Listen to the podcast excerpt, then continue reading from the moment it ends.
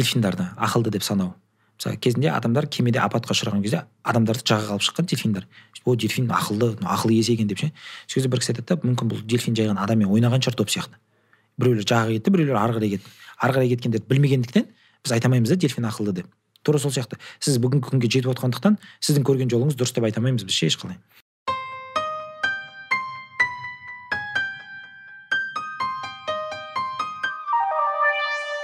ескендір мырза қош келіпсіз. Ә, сізді көргеніме өте қуаныштымын. Ә, негізі ә, сізді төртеу түгел болса ә, жобасынан танып білдім. Сол жердегі ойларыңыз ұнағандықтан бұл кісімен өз каналымда міндетті түрде сөйлесуім керек деген шешім қабылдадым. Рахмет шақырғандарыңызға рахмет. Ә, админ аноның бүгінгі қонағы педагог тренер ата ана мен балалардың арасындағы қарым қатынасты зерттеуші және төртеу түгел болса жобасының спикерлерінің бірі ескендір бестай.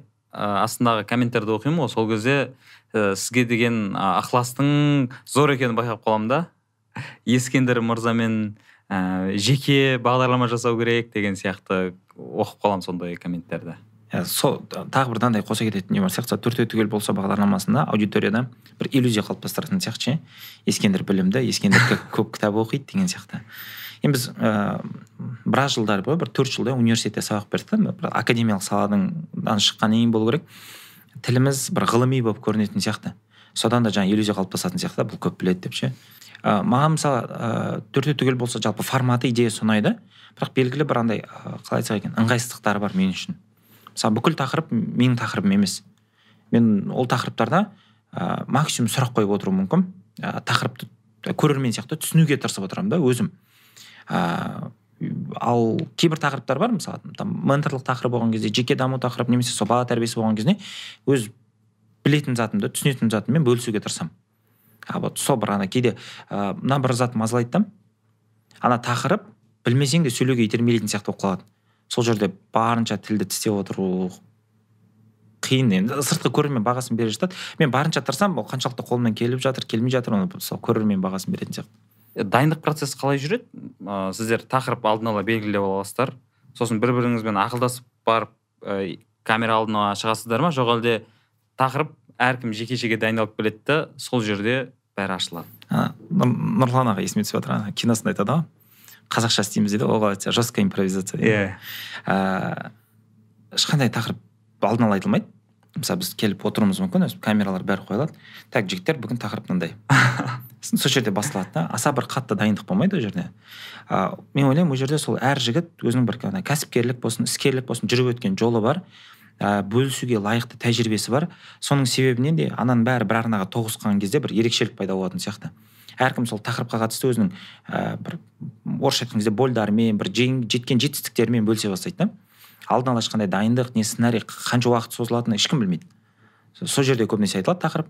Сол жерде шығады бәрі мынандай сол бір форматының жеңілдігі менің ойымша оның осы уақытқа дейін яғни қазір жиырма эпизод болды екі маусым созылуына себепші болған сияқты. Егер біз сценарий құрып оның алдын ала жаңағыдай бір немен басталып немен аяқталатынын жоспарлайтын болсақ бұндай ұзақ созылмайтын еді. Енді сіз ә, ата ана мен баланың қарым қатынасын зерттеуші екенсіз. Зерттеп жүргеніңізге қанша уақыт болды? Ә, біз мынандай болды да университет мен, мен университетке дейін бір балажан дейді ғой бір баламен сондай бір балаға жақын ондай емес едім. Яғни бала бөлек мен бөлек мысалы бірақ мынандай бір әсер болатын. Мен ә, бүкіл туысқандарымыздың енді басым көпшілік туысқандарымыздың жеңгелеріміздің балаларына жай едім да. Ескендір келе жатыр десе олардың бәрін істейтін менен қорқады неге екенін білмеймін балалар. Біз университетте оқи бастаған кезде баланың қалыптасуы ерте жастағы бір ерекшеліктері осы заттар ана нюанстар қатты қызықтырды. Мысалы қарапайым баланың тілі қалай шығатындығы ол баланың тілі қиналып жатқан кезде жаңағы былдырлап сөйлеген кезде ең бір қиналып жатқан кезі. Өзінің де ішкі жан дүниесінің де. Бірақ бұл дәл сол кезде ересектердің оған қарап күлетіндігі енді тамсанғаннан риза болғаннан күледі ғой. А шын мәнісінде бала қиналып жатыр да. Ол мынандай сияқты мысалы сіз шетелге барып сол елдің тілінде сөйлей алмай жатқан кезде сізге күлсе үлкен стресс қой ана қысым ғой сыртқы. Сондай бір нюанстарға қараған кезде ана тақырып мені қызықтырып кетті баланың дамуына кәдімгідей ден қойып кеттік университет кезеңінде. Кейін университет тәмамдағаннан кейін ыыы үйленіп отбасылы болып балалы болғаннан кейін бұл тақырып басқа қырынан ашыла бастады да яғни ә, білу басқа түйсіну басқа сезіну басқа екен да. Сол кезде өзіміздің балаларда менің кейбір таныстарым сыныптастарым айтып жатады сен өз балаңа өзің тәжірибе қоясың ғой деп ше. Сол зерттеу деген енді сол тұрғысынан айтуға болатын сияқты. Яғни ә, мысалы баланың бойында белгілі бір дағдыны дамыту үшін оның қоршаған ортасы қандай болу керек? Бала қандай ойындар ойнау керек? Мысалға жатырда жатқан кезде анасының ішінде болған кезде не істесе оның болашағына қалай әсер етеді деген сияқты осындай бір дүниелерді өз балаларыма немесе сол бір ыыы қолымыз жеткен балаларға істеп көргендігімізден сол бір зерттеу деп айтуға болатын шығар. Сонда егер енді сұраққа жауап ретінде. Екі мың он бір ғой. Екі мың он бірде он жыл болды? Иә шамамен. Он жыл болды.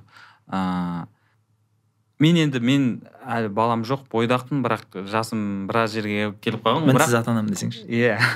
Бірақ ә, өзімнің былай бақылауларым ғой психологтарға барған кезде көпшілік ә, қазіргі бойындағы комплекстер ә, қандай да бір стресс сондай дүниелер ә, детский травма деп сондай оларға диагноз қойып жатар да сіз бала кезде осындай осындай болған деп. Ол сол шынымен де сондай ма негізі? Мен өзім барып көрмеген бірақ көп естимін да. А бала кезде осындай болған екенсің. Ата анаға ата анаңа ренжігенсің немесе ата анаң саған осылай айтқан сен соны көңіліңе алып қалғансың. Кете береді осылай. Жоқ балалық қандай қараңыз жаңа сіз айтып жатсыз ғой тілі былдырлап шығып жатқан кезде оның сөзін естіп біз күлеміз деп. Ол балада бойында комплекс қалыптастыруы мүмкін. Иә сондай дүниелер мысалы үшін осы егер тіпті сөйлеуінің өзінен сондай ә, әсер болып жатса өскен кезде ол қаншалықты ә, әсерін тигізуі мүмкін қаншалықты есе? Мынандай бір қалжың нелер бар ғой. Ыыы жаңағы психотерапевтер айтады да не было в детстве не было проблем дейді да. Яғни сол балалық шақтағы белгілі бір ауытқулар немесе жаңағыдай травмалар шынымен қазір психотерапевттердің клиентін жасап беріп жатыр ғой. Ә, ол кісілерге барған кезде де ол кісілерге жалпы ең түп тамырындағы сол жақтан қазбалаған енді ол біз кішкентай кезімізде ең алғашқы травмаларды алғаннан кейін біз травма алмайды деген сөз емес үнемі алып отырамыз ғой. Бірақ сол кезге бару енді соның ең түпкі тамыры алғашқы травма болу енді шартты да. Бірақ мынандай бір затты да түсіну керек та. Травмасыз өмір сүру мүмкін емес.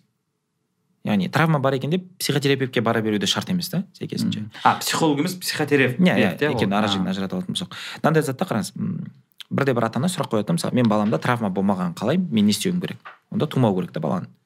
Жалғыз амал баланы травмасыз өсірудің ол тумау баланы дүниеге әкелмеу неге өйткені бала алғаш дүниеге келгеннің өзінде де мына оттекті жұту арқылы өкпесін күйдіру арқылы бақырып жылау арқылы бірінші травмасын алып қойды да. Тура сол сияқты былайша айтқан кезде ол әрбір күніне неше травмадан алады. Мәселе травма алмауда емес мәселе сол травмамен бала қалай күресетіндігінде. Сол олардан қандай сабақ алып түбінде қандай тұлға болып қалыптасатындығында ғой. Ә, бұдан екінші бір зат шығады. Мысалы сол жаңағы психологқа барып көріп өзінің бір балалық шақтағы травмаларын емдеген ата аналарда көбінесе байқалады. Мынандай болады. Өзінің баласына инкубатор жасай бастайды. Яғни барынша қолайлы травмасы жоқ сондай бір жасанды орта. Ол бала ауладағы балалармен немесе жаңағы туысқандардың мінезі жұғып кету жаман мінезі жұғып кетуі мүмкін балалармен араласпауы мүмкін. Ол бала белгілі бір контентті ғана көруі мүмкін. Тура сол сияқты енді көп андай шетелде бұлардан хеликоптер парент дейді тікұшақ ата ана сияқты бір қадам оңға солға жібермей түгел қадағалауында ұстайтын да. А, жалпы алған кезде иә балалық кездегі травма ол андай. Менің айталық мысалы қазір сіз екеуміз осы жерде бір төбелесіп қалсақ сол бір травмадан қатты бір айырмашылығы жоқ. Бар айырмашылығы біз сол травмамен ұзағырақ өмір сүргенімізде да ойымыздан шығара алмаймыз сол ішімізде сақтап жүреміз. Оны жіберу керек қой. Мен былай сенемін да қарашы. Ә, қазіргі кез келген тұлғада мен жеке дамимын деген адамда проблема бар. Ол норма. Біз проблема бар болғаннан кейін де барып тұр ғой ол адамға тән зат деп ойлаймын. Енді сол проблеманың ә, кемі алпыс жетпіс пайызын біз қарапайым техникалармен қарапайым менеджменттің немесе бихевиоризмнің құралдарымен ақ шеше аламыз. Бірдеңке қит етті болды психотерапевтке бару шарт емес деп ойлаймын да. Иә бар кейбір күрделі мәселелер ол бір жаңағыдай он жиырма пайыз шығар ә, психотерапевтке бару керек. Яғни сондай бір мәселені шешу керек адамға. Ә, одан бір аз пайыз бар шығар бір ары кетсе бір бес пайыз ба екен үш пайыз ба екен ол жаңағы психиатрға баратын ше ол енді үлкен ментальды ауытқулармен. Енді ана ә, қазір психолог бір трендтағы не болып тұр ғой? Тақырып болып тұр да бізде. Ә, мені мысалы қорқытатын дүниелердің бірі бала тәрбиесін психотерапевттердің сөйлейтіндігі. Немесе біз бала тәрбиесін тек психологиялық тұрғыдан ғана талдайтындығымыз да. Ол жаман демеймін ол бірақ үлкен картинаның бір бөлшегі ғана ғой. Яғни оған ғана ғана қарап біз толық баға бере алмаймыз. Осы бір заттарды ескеру керек сияқты. Мхм. Ыыы мысалы үшін андай түсініктер бар ғой. Ата анаға ренішті дер кезінде жоймасаң ә, денсаулығыңа әсері бар болашақта. Тіпті өмірде бір қандай да бір жетістікке жете алмауың мүмкін дейтін түсініктер. А, ол сондай қатты әсері болып тұр ғой демек. Оның практикада болған ғой деп жатқаным ғой. әсері бар бірақ қараңызшы мынандай ғой кәсіпкерлерді алыңыз да көптеген жетістікке жеткен кісілерді алыңыз. Бәрінің ата анасына реніші бар. Яғни сенбеген. Иә сенбеген болуы мүмкін ата анасы шартты қабылдаған болуы мүмкін әртүрлі фактор болуы мүмкін бірақ олардың жетістікке жетуіне ол фактор кедергі болған жоқ. Енді мына жерде мынандай болуы мүмкін да менің ата анама ренішімнің бар екендігі кішкентай кезімде немесе ата анамның кішкентай кезінде менің бір қалауымды орындамай мені ренжітіп қойғандығы ә, қазір мен жетістікке жетпей жатқандығыма әдемі бір сылтау сияқты да. Өзіңді ақтап алу. Иә иә. Анау ыыы яғни жетістікке жеткен кісілерде де травма бар да. Ол ол кедергі бола алмайды деп ойлаймын. Иә ол жолды жеңілдетуі мүмкін. Сіз тезірек жетуіңізге бір себепші болуы мүмкін бірақ бітті. Кесілді сенің шансың жоқ деген сөз емес деп ойлаймын. Мхм. Енді сонда ә, ата ананың баланың алдындағы міндеті қандай жалпы? Қалай қандай тәрбие беру керек? Осы жерде қараңыз сіз өзіңіздің мысалыңызда Иә. мысалы үшін. Мынандай сұрақтар кө- көп қойылады да. Жаңа осы жаққа келе жатып ойланып отырмын да. Ыыы біз ата ананың жаңағы бала тәрбиесіне жіберетін қателіктері қандай ата ананың міндеті қандай деп. Енді осы жерде маман сымақ болып бүйтіп ақыл көйсіп тізіп шығуға болады. Анда мынандай топ он қателік бар деп ше. Әрбір ата ана жіберетін тоқсан пайыз ата ана жіберетін үш қателік деген әдемі андай заголовоктар шығаруға болады ә, немесе жаңағыдай ата ананың міндеті мынау болу керек бұл болмаса сен ата ана емессің әке емессің деген заттарды да тізуге болатын сияқты. Ә, бірақ ол зат не істейді? Тыңдарманға оқырманға ата ана ретінде тыңдап отқан. Ә, онсыз да көп уайымын еселейтін сияқты да. Онсыз да өзіне сенімсіз болып жүрген кезде оның бір сол сенімділігін азайтатын сияқты. И мен бүйтіп ойладым да ә, бір жаңағыдай бір зерттеулер оқыған бір университетте сол осы бала тәрбиесін оқыған маман ретінде емес әке ретінде сөйлеп көрсек қалай болады? Яғни мен өзім әке ретінде қандай қателіктер істедім? Немесе мен әке ретінде менің міндетім қандай деп түсінемін? Осы бір затқа тоқталып кетсем рұқсат болса. Ә, мен мынандай бір заттарды ойланамын да. Әке ретінде үлкен ұл ең алғашқы тұңғышымызды ата әжесіне бергендігім. Қарым қатынастағы бірінші авария деп ойлаймын да ең ол қателік. Иә мен үшін үлкен қателік. Мгм. жалпы қателік ол бірақ әке ретінде сөйлеп тұрмыз ең бір жіберген қателіктерімнің бірі. Оның олқылығымен әлі күнге шейін күресіп келе жатырмыз да яғни әрі орын және мен андай бір бір атала болды шештік деген кезең жоқ деп ойлаймын бұл кезеңде ше. Өйткені кезіндегі қателіктің салдары сондай. Өмір бойы күресіп өту керек болады. Екінші бір қателіктердің бірі мына жақсы көруді қарым қатынас құруды осы балалармен үйренгендігімде. Яғни мынандай сияқты ғой. Операция жасауды алдыңа келіп адам жатқан кезде жасап үйрену сияқты дәрігердің. Яғни оғанға дейінгі тиісті бір дайындықпен келсе мүлдем басқаша болатын еді ғой. Бұл балалармен жасаған кездегі шығындар бұндай болмайтын еді ғой деген ой мазалайды да. Және бір дүние ыыы қайтадан біз анау көбінесе үлкен ұл сол әке шешенің ана тәрбиелік тәжірибесінің алаңы болып кеткен ғой. Ыыы қайтадан үлкен ұлмен болған қателік. Мысалы қазір ата аналар баланы телефоннан бір құтқаруға тырысады ғой. Телефонның әсерінен телефонға деген тәуелділіктен біздің кезімізде телефон қатты бір ондай тренд емес етін алғашқы бала дүниеге келген кезде ол кезде теледидар етін да. Мен сол теледидардан шектеу арқылы андай күшпен ә, авторитарлық сондай бір режим қосу арқылы шектеумен белгілі бір қателіктер жасадым деп ойлаймын. Ә, енді осыдан әке ретінде мен міндеттерімді қалай көремін? Енді баланы бағып қағу оның жаңағы ә, тамағы киімі сияқты дүниелердің бүтін болуы ол өз алдына бір бөлек әңгіме одан бөлек мына баланың ә, мағжан жұмабаев айтады ғой жаны ең қымбат ең жұмбақ дүние деп ше? Сол жанын тәрбиелеуде атсалысу менің міндетім деп ойлаймын. Яғни ол өзіне сенімді өзін шартсыз қабылдайтын өзінің тұлғасын шартсыз қабылдайтын ә, өзіне күмәнданбайтын адам ретінде өсіп шығу. Яғни болашақта барынша маған тәуелді емес керісінше менен толық тәуелсіз болатындай. Сөйте тұра ә, ер жеткен кезінде бір түрлі проблемаға шалдығып қалған болатын болса ә, менен келіп бір ақыл сұрай алатындай абыройлы деңгейде болу деп ойлаймын да менің міндеттерім. Яғни бұны бір ана дос болу деп айту қиын. Сол бір дос пен әкенің арасындағы бір бір жаңа формат па екен осындай бір дүние да. Мына бір зат әке болған кезде жаңа бұрын оқыдық мамандықты сонда да әке болған кезде мынандай бір қызық зат ойландырған. Біз мысалы көлік жүргізу үшін оқимыз. Немесе тағы сондай бір ә, әрекет істеу үшін оның оқуы бар оны тапсыратын тесті бар деген сияқты. Бірақ әке болу үшін ештеңе керек емес та мен биологиялық әке болу үшін. Алдың бола салдың. А бірақ осыны оқу оны үйрену оның қыр сыры қоғам үшін маңыздырақ сияқты да. Қоғам алдындағы міндетіміз ретінде. Қысқаша болса әкелер оқу керек иә үйрену керек. Әке де иә иә иә оқу керек деп ойлаймын. Мынандай бір нені бөлісейінші кешіріңіз. Енді ең алғашқы менторлардың бірімен болған сұхбат ол кісімен жаңадан танысып жатырмыз. Ол кісі бір тренинг өткізіп жатты.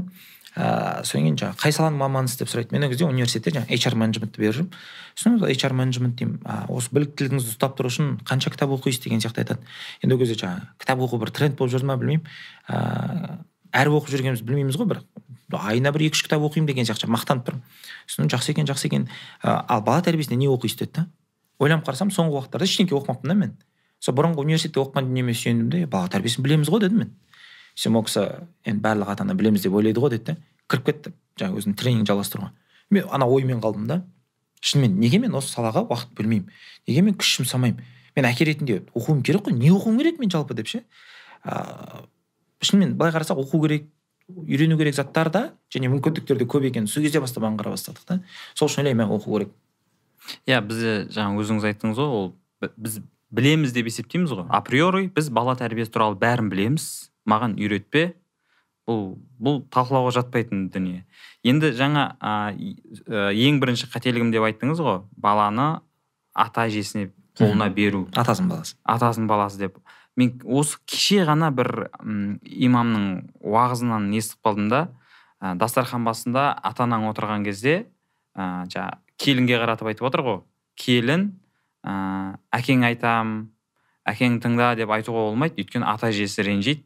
Ә, сол кішкентай кезінен оны ата сен атасың атаңның баласысың. Ә, ертең көшеде сұрақ қалса кімнің баласысың десе атамның баласымын деп айт деп солай үйрету керек. Бізде сол нәрсе жойылып бара жатыр деп. Осының кері нұсқасын айтып жатыр да. Оған сіз не уәж айтасыз? Мынандай бір неден бастау керек сияқты. Ә, контексттен жұлынған контент ол қауіпті. Яғни бұл бір ана үлкен бір проблеманың бір, бір, бір сипатын жұлып алып бір айтып береді ғой бізде. Тура сол діни саладан бір мысал келтіретін болсақ жаңағы есектің ақырғанын естісе дәрет бұзылады деген дұрыс контексттен жұлынған контент та немесе мен үнемі келтіретін бір мысалым бар бір телебағдарламада да келтіргенмін ыыы ата аналарға айтамын да немесе жалпы кісілерге отырған.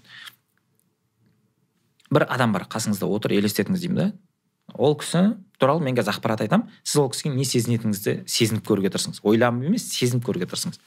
Ол кісі қателеспесем он жеті жасында адам өлтіре бастаған біздің қасымызда отырған сөйтіп сол өлтіргеннен кейбір деректерге сенсек жетпістен астам адам өлтірген да он сегіз жасына толғанша сол бір, бір жылдың шамасында өлтіріп тастаған. Одан ары өлтіре беретін еді егер ол кісінің өзін өлтіріп тастамаса.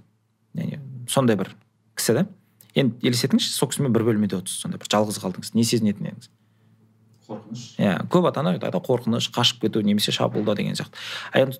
Ол кісі кім? Ол әлия молдағұлова да. Енді не сезінетін едіңіз? Яғни ана контекстті білген кезде ана оқиғалардың бәрі ана фактілер не үшін орын алғанын білген кезде біздің қарым қатынасымыз өзгереді тура сол сияқты кез келген бала тәрбиесінде де бір бір методиканы алып алып немесе бір контекстті алып алып шешім қабылдап кету әрекет ету қауіпті неге? Өйткені бірінші кезекте бала зардап шегеді да. Мына жерде мысалы енді ол кісінің ә, имам ретінде мына дастархан басындағы бір ә, иерархияны сақтау әңгімесін айтқысы келіп жатқан сияқты. Мен сіздің айтқаныңыздан түсінгенім иә иерархияны сақтауда тұрған ешқандай проблема жоқ. Ол жерде мен анаған қарсылауым да әкең келе жатыр деген әңгімеге ше. Ол мындай ғой қарашы қазақшадан қазақшаға баланың тіліне аударатын болсақ ондай әңгімеден бала не түсінеді? Ыыы ананы айтатын болса да әкең келеді әкең айтамын дейтін болса ол бала «Ха, мен әкемнен қорқу керекпін деп түсінбейді. Бала не түсінеді? Менің анам қауқарсыз екен дейді да. Өзің қолынан келмей тұр. Сіз балаға өзіңіздің ыыы жаңағы әлсіз екеніңізді ғана хабарлап жатсың да? Сен өзіңді тыңдата алмадың Иә, енді иә, иә. папамды көмекке шақырып жатрсың деген иә сияқты ол, ол ана әкесін тыңдап кетпейді ол қорқу бөлек бірақ ана біз не хабарлама беріп жатырмық та балаға? А мен не үшін ыыы ата әженің жаңағы ы қамқорына беруді қарсымын? Өйткені ол жерде мына қарым қатынастың моделі бұзылады да. Мынандай бір не бар екен? Ы қарым қатынастың бір екі моделі бар. Вертикаль горизонталь. Ыыы горизонтальды қа- қарым қатынас ы, ол түсінікті. Ол біздің достарымыз сыныптастарымыз араласатын құрба құрдастарымыз жолдастарымыз. Ыыы и вертикаль қарым қатынас ол отбасы. Яғни әке шешеміз ата әжеміз бәрі да. Тіке қарым қатынас отбасылық қарым қатынас болмайтын болса мына достық сыныптастық қарым қатынас бізге кері әсер етеді. Ыыы психолог мамандардың енді бұны маған түсіндірген гордон ньюфилд та канаданың белді психологы. Сол кісі бүйтіп айтады. Қараңыз дейді бала суицид жасайды. Не үшін? Өйткені оны ортасы қабылдамаған үшін сол бір ғана ортаның мүшесі сезінбеген үшін. Неге ол ондай әрекетке барды өзінің өмірін қию деген өйткені ол отбасының қарым қатынасы жоқ. Егер ода кез келген адамда отбасының қарым қатынасы бір іргетасы ретінде бар фундамент ретінде бар болатын болса кез келген мына жақтағы қиындықтар сынақтар бізді жаңағыдай амалға итермелемейтін еді да. Жаңағы көлденең қарым қатынастағы амалдар енді мынау мықты болу керек. Былайша айтқан кезде біздің тұлғалығымыздың өзегі мынау стержень дейді ғой. Сол осы деп ойлаймын да қарым қатынас а бұл қарым қатынас қалай құрылады? Бала баладан кейін анасы енді көбінесе үш жасқа шейін балаға анасынан басқа ешкім керек емес. Үш жастан кейін әкесі әкесінен кейін барып ата әжесі осы бір иерархия сақталса әдемі. А бізде қалай? Біздің жаңағы атасының баласы деген модельде әке шеше былай тұрыңдар ғой. Тіке жаңағы төте өтіп кетеді ата әжесіне ол баланың қалыптасуында біраз ақаулықтар тудырады. Егер қараңыз бағанағыдай бір дастарханда яғни бір үйде өмір сүретін отбасы болатын болса ол керісінше балаға ең қолайлы орта екен да. Америкада мынандай зерттеу бар бала үшін ең қолайлы орта қандай деп іздейді. Отбасының барлық мүшесі бар орта иә? Жоқ басында мынандай болады да ол зерттеу негізі мынадан шығады. Ә, оларда бір жынысты неке деген бар ғой. Сол балаға қалай әсер етеді? Қаншалықты зиянды зиянды емес. Бала үшін ең қолайлы орта не екен деп зерттеп қалған кезде баланың әлеуметтік психологиялық танымдық дамуына ең қолайлы орта үш ұрпақты отбасы болып шығады. Яғни жаңа сіз айтып отқандай бәрі бар. Ата әжесі әке шешесі бәрі бар. Андай емес әке шешесі былай тұрыңдар бала ата әжесінің үйінде тұратын емес. Менің қателігім біз бөлек шығып кеткен кезде баланы тастап кеткендігіміз. Яғни ол ата әжесімен қалып қойды да ол мысалға анасын ана деп атай алмайды. Немесе әке шешесі өзінің әке шешесінің алдында өз баласын еркелете алмайды. Осы мен айтып отқаным да осыған мен қарсымын. Ал жаңағыдай бір дастарханда отырған кезде иерархияны сақтау екеуі бір қарағанда андай жаңағы контентпен ғана қарағанда қайшы болып көрінгенмен контекстте қарасаң бір бірін толықтырып тұрған тақырып сияқты да. Енді жаңағы ә, баланы бірінші тұңғыш ұлды тұңғыш баланы ата әжесіне беру жаңа біз әңгімеміздің басында айттық қой ұлттық тәрбие деген. Бізде сол болып кетті ғой. Міндетті түрде атынан бастап ә, сол кісілердің меншігіндегі бала. Ә, одан келіп шығатын дүние ә, өзім байқайтын жаңа бұл ата әжесінің тәрбиесін көрген әже, әженің қолында өскен атасының баласы бұған сөз жуытпайды. Бірдеңе болса жаңа екі үлкен кісі қорғап шығады. Содан кейін ол былайша айтқанда все дозволено деген немен өседі ғой ол бала. Сіздің қате сіз соны айтып жатсыз ғой жаңағы ә... жалпы атасының баласы деген кейс та. Ә, балада бостандық емес бассыздық көбірек болып кетеді иә yeah, соны айт yeah. Иә. бассыздық бала бассыздықта өмір сүреді. А оның былайша айтқан кезде рахатын ата әжесі көргенмен бала ол кісілерге бір қартайған шақтағы қуыршақ сияқты болып тұр ғой. Бірақ оның салдарын яғни оның бассыздығының бүкіл әрекетінің салдарын бәрібір әке шешесі көреді ғой. Бәрібір өзі көреді. Мынандайда мысалы қарашы мынандай ситуацияны көп көрдім. Ертең кеш бұл кісілер дүниеден өтеді. Сол кезде ана бала мына отбасына келеді. Қай жаста болған болса да а, ең үлкен проблемалар ең енді сен өзің анаңа анам деп айта алмасаң анашым дей алмасаң ә, екеуіңіздің араңызда ділдік байланыс болмаса онда ол баланың тұлғалығында андай сұрақ бар да. Иә кейбір ата әжелер қарашы бағанағыдай ата әже баланың ә, сөздік қорының көп болуына терең ойлануына ата әженің тәрбиесін көрді деген әңгіме ше бірақ ол ата әженің тәрбиесін көрді деген анасынан айырылды деген сөз емес қой. Бізде мысалы бес жасқа шейін ханыңдай көр дегенді қалай қабылдайды? Біз мақал мен мәтелді ажырата алмай жүрміз ғой. Бес жасқа шейін ханыңдай көр деген бес жасқа шейін оның құлы болу деп ойлайды да. Ол хан болса білмеймін сіз де хан болыңыз да ол сіздің ханзадаңыз болсын. Неге андай бір тең қарым қатынас құрмауға да? Неге соны меңдеп тұрған жоқ деп қарамаймыз да біз? Яғни атасының тәрбиесін көрген деген атасының қолында әке шешесінсіз деген сөзді меңземейді ғой. А біз бірақ солай ғана қабылдайтын сияқтымыз да. Бір жақты ғана қалады. Иә иә. Егер мысалы жаңағыдай үш ұрпақты отбасы болатын болса онда керісінше ол баланың нағыз жаңағы атасының тәрбиесін көрген оның бойында жаңағы тұлғалығында ақаулы болмағаннан бөлек ә, ол баланың жаңағыдай қабілеттерінің мүмкіндіктерінің де кең болуы әбден заңдылық та. Талай зерттеулер де жеке тәжірибелер де көрсетіп жүр ғой. Енді бұл жерде ә, конфликттік ситуация болып тұр ғой. Мысалы үшін ата әжесі ол талап етеді бәрібір. Ол жағдайда енді жас отбасылар жас ата ана қандай шешім қалай жол табу керек ол жерден? Енді мына жерде ата әжесі күтіп отыр. Әр осындай эфирден кейін ә, не болады? Келіндер ғой әулеттің келіндері жаңағы аналары жазады жалобы жазады сізге. Иә осылай болып отыр а мен ол кісілерге не айтамын? Өйткені шешім қабылдаушы тұлғалар олар емес қой. Ол кісінің бар амалы енді әйел адамның амалы ол күйеуіне әсер етуге тырысу да. Бұл жерде ойлаймын барлық жауапкершілік енді қалай болса да барлық жауапкершілік әкесінде жатыр ғой. Сол кісі шешім қабылдау керек сол кісі алу керек. Мысалы біздің кейста ә, сол атасына беру дегенде мен өзім атаның баласы болып өскенмін да. Ана өзіміздің баланы атасына беру деген бір менің инициациям еді. Менің инициатор мен едім да ситуацияның. Әкем қатты андай бір неған жоқ. Мен басында иә менің балам деген сияқты болды. Бірақ андай «Ей, әке шеше деп ат, атамасын сендерді еркелетпеңдер деген ондай бір не болған жоқ та. Біз бөлек кеткен кезде де тастап кету идеясы менің менің не бастамаммен болды кейін менің әпкем бар. Сол әпкем себебімен әкемнің ойы қатты өзгерді да. Яғни болмайды бөлектеніп қалады кейін бауырларымен де араласа алмайтын болады қайтадан қолдарыңа алыңдар деген сияқты. Сондағысы бізде ата әжесімен қателеспесем бір алты ай ғана ма өмір сүрді. Біз сол қалада тұрамыз. Аптасына екі үш рет барамыз сол үйге. Бірақ сонда да а, балада мысалы қазіргі мысалы салыстыратын болсақ ана ақыры қателік талдап жатыр ғой мұңмен бөліскеннен кейін. Мысалы басқа бауырлармен салыстырған кезде анасымен қарым қатынаста нюанстар байқалады. Яғни басқалардікі сияқты бір андай шартсыз бір тілдік байланыс жоқ. Бар да бір андай ресмилікке жақындау сондай бір анау ә, баласынан гөрі бір қайнысы сияқты болып тұрады ғой. Иә, а бұл олқылықтың орын алмаса қиын деп ойлаймын. Ұл баланың тәрбиесінде ә, ә, жылама қыз сияқты жылама шашын түсіп қалады. Иә тағы. Сондай шектеулер көп та. Сен жігітсің ғой сен осылай істеуің керек былай істеуің керек деген сияқты әңгімелер көп. Ол ә, балаға жақсы жағынан әсер ете ме? Ол енді бала ұл да қыз ғой. Екеуіне де қатты әсер етпейтін сияқты.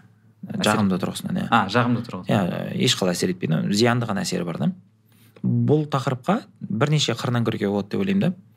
Ә, мен мысалы алғаш ұлды болған кезде ой болды да ұл баланың тәрбиесі. Қалай болу керек деген. Теорияны оқығанбыз бірақ мынандай да енді ата аналардың нәпсісіне ауыр тиетін сөз бар. Ол макаренконың сөзі да. Баланың тәрбиесі ол бес жасқа дейін. Бес жаста қалыптасып қойған тұлға дейді. Бес жасқа шейін тәрбиелеп үлгерсең үлгердің үлгермесең өмір бойы қайта тәрбиелейсің дейді.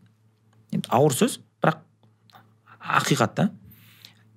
Яғни осы бес жасқа дейін баланың тәрбиесінде ұл қыз деген қатты бір ерекшелеу жоқ. Ерекшелеу бір осы үш бестен кейін басталады да. Ана баланың болмысындағы мінезіндегі ерекшеліктеріне байланысты. Ал оғанға дейін ол тұлға және сол тұлғаның тәрбиесі ғой бұл жерде былайша айтқан кезде. Ұл ма қыз ба бәрібір бірдей қарау керек. Иә ұлға да қызға да сіз жаңағыдай айтатын болсаңыз яғни мысалы қыз бала өйтпейді ұл бала бүйтпейді деген біздің басымыздағы шаблонды сол таптаурындарды оларға сіңдіретін болсақ одан ешбір жақсылық күтпейміз да. Мысалы қараңызшы мына екі қырынан алып көруге болады. Біріншісі бұндай ыыы қысым бұл ана әлеуметтік қысым ғой кәдімгі балаға жасалып жатқан. Баланың өз сезімдерін басқара алмауына менде бірдеңке дұрыс емес деп ойлауына және болашақта өзін өзін басқара алмауына алып келеді да. Кім өзінің баласын ондай болғанын қалайды. Ну қаламаймыз бірақ әрекетіміз оған сай келмейді. А тура сол сияқты мысалға ә, көп кісілерді көреміз да мына жиырма бір жастан плюс дейді ғой яғни үлкен кісілермен ересек кісілермен сөйлескен кезде ә, ер адамдарда жаңағыдай сипат бар. Сыртқа сезім білдірмеу керек. Ол жаңағы жыламау ғана емес ол қуану да мысалы перзентханаға барыңызшы. Бір кәдімгідей қуанып балалы болғанда қуанып шығып жатқан әкелерді көру қиын да бізде. Үйлену тойына қараңыз тура солай бәрінде бір не ғой бір түр ғой. Бізде сезім білдіру бір әлсіздіктің нышаны болып кеткен ер адамдар үшін. Содан ба екен мүмкін жүрек талмасы ең жиі кездеседі ғой ол кісілердің арасында. Бізде сезім білдіруге болмайды да.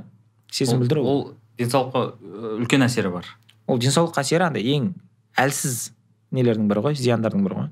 Ол ішкі жан дүниеңізге әсері бар басқасы бар. Әйел адамдар эмоция ана табиғатына байланысты бір шығарып алады ғой.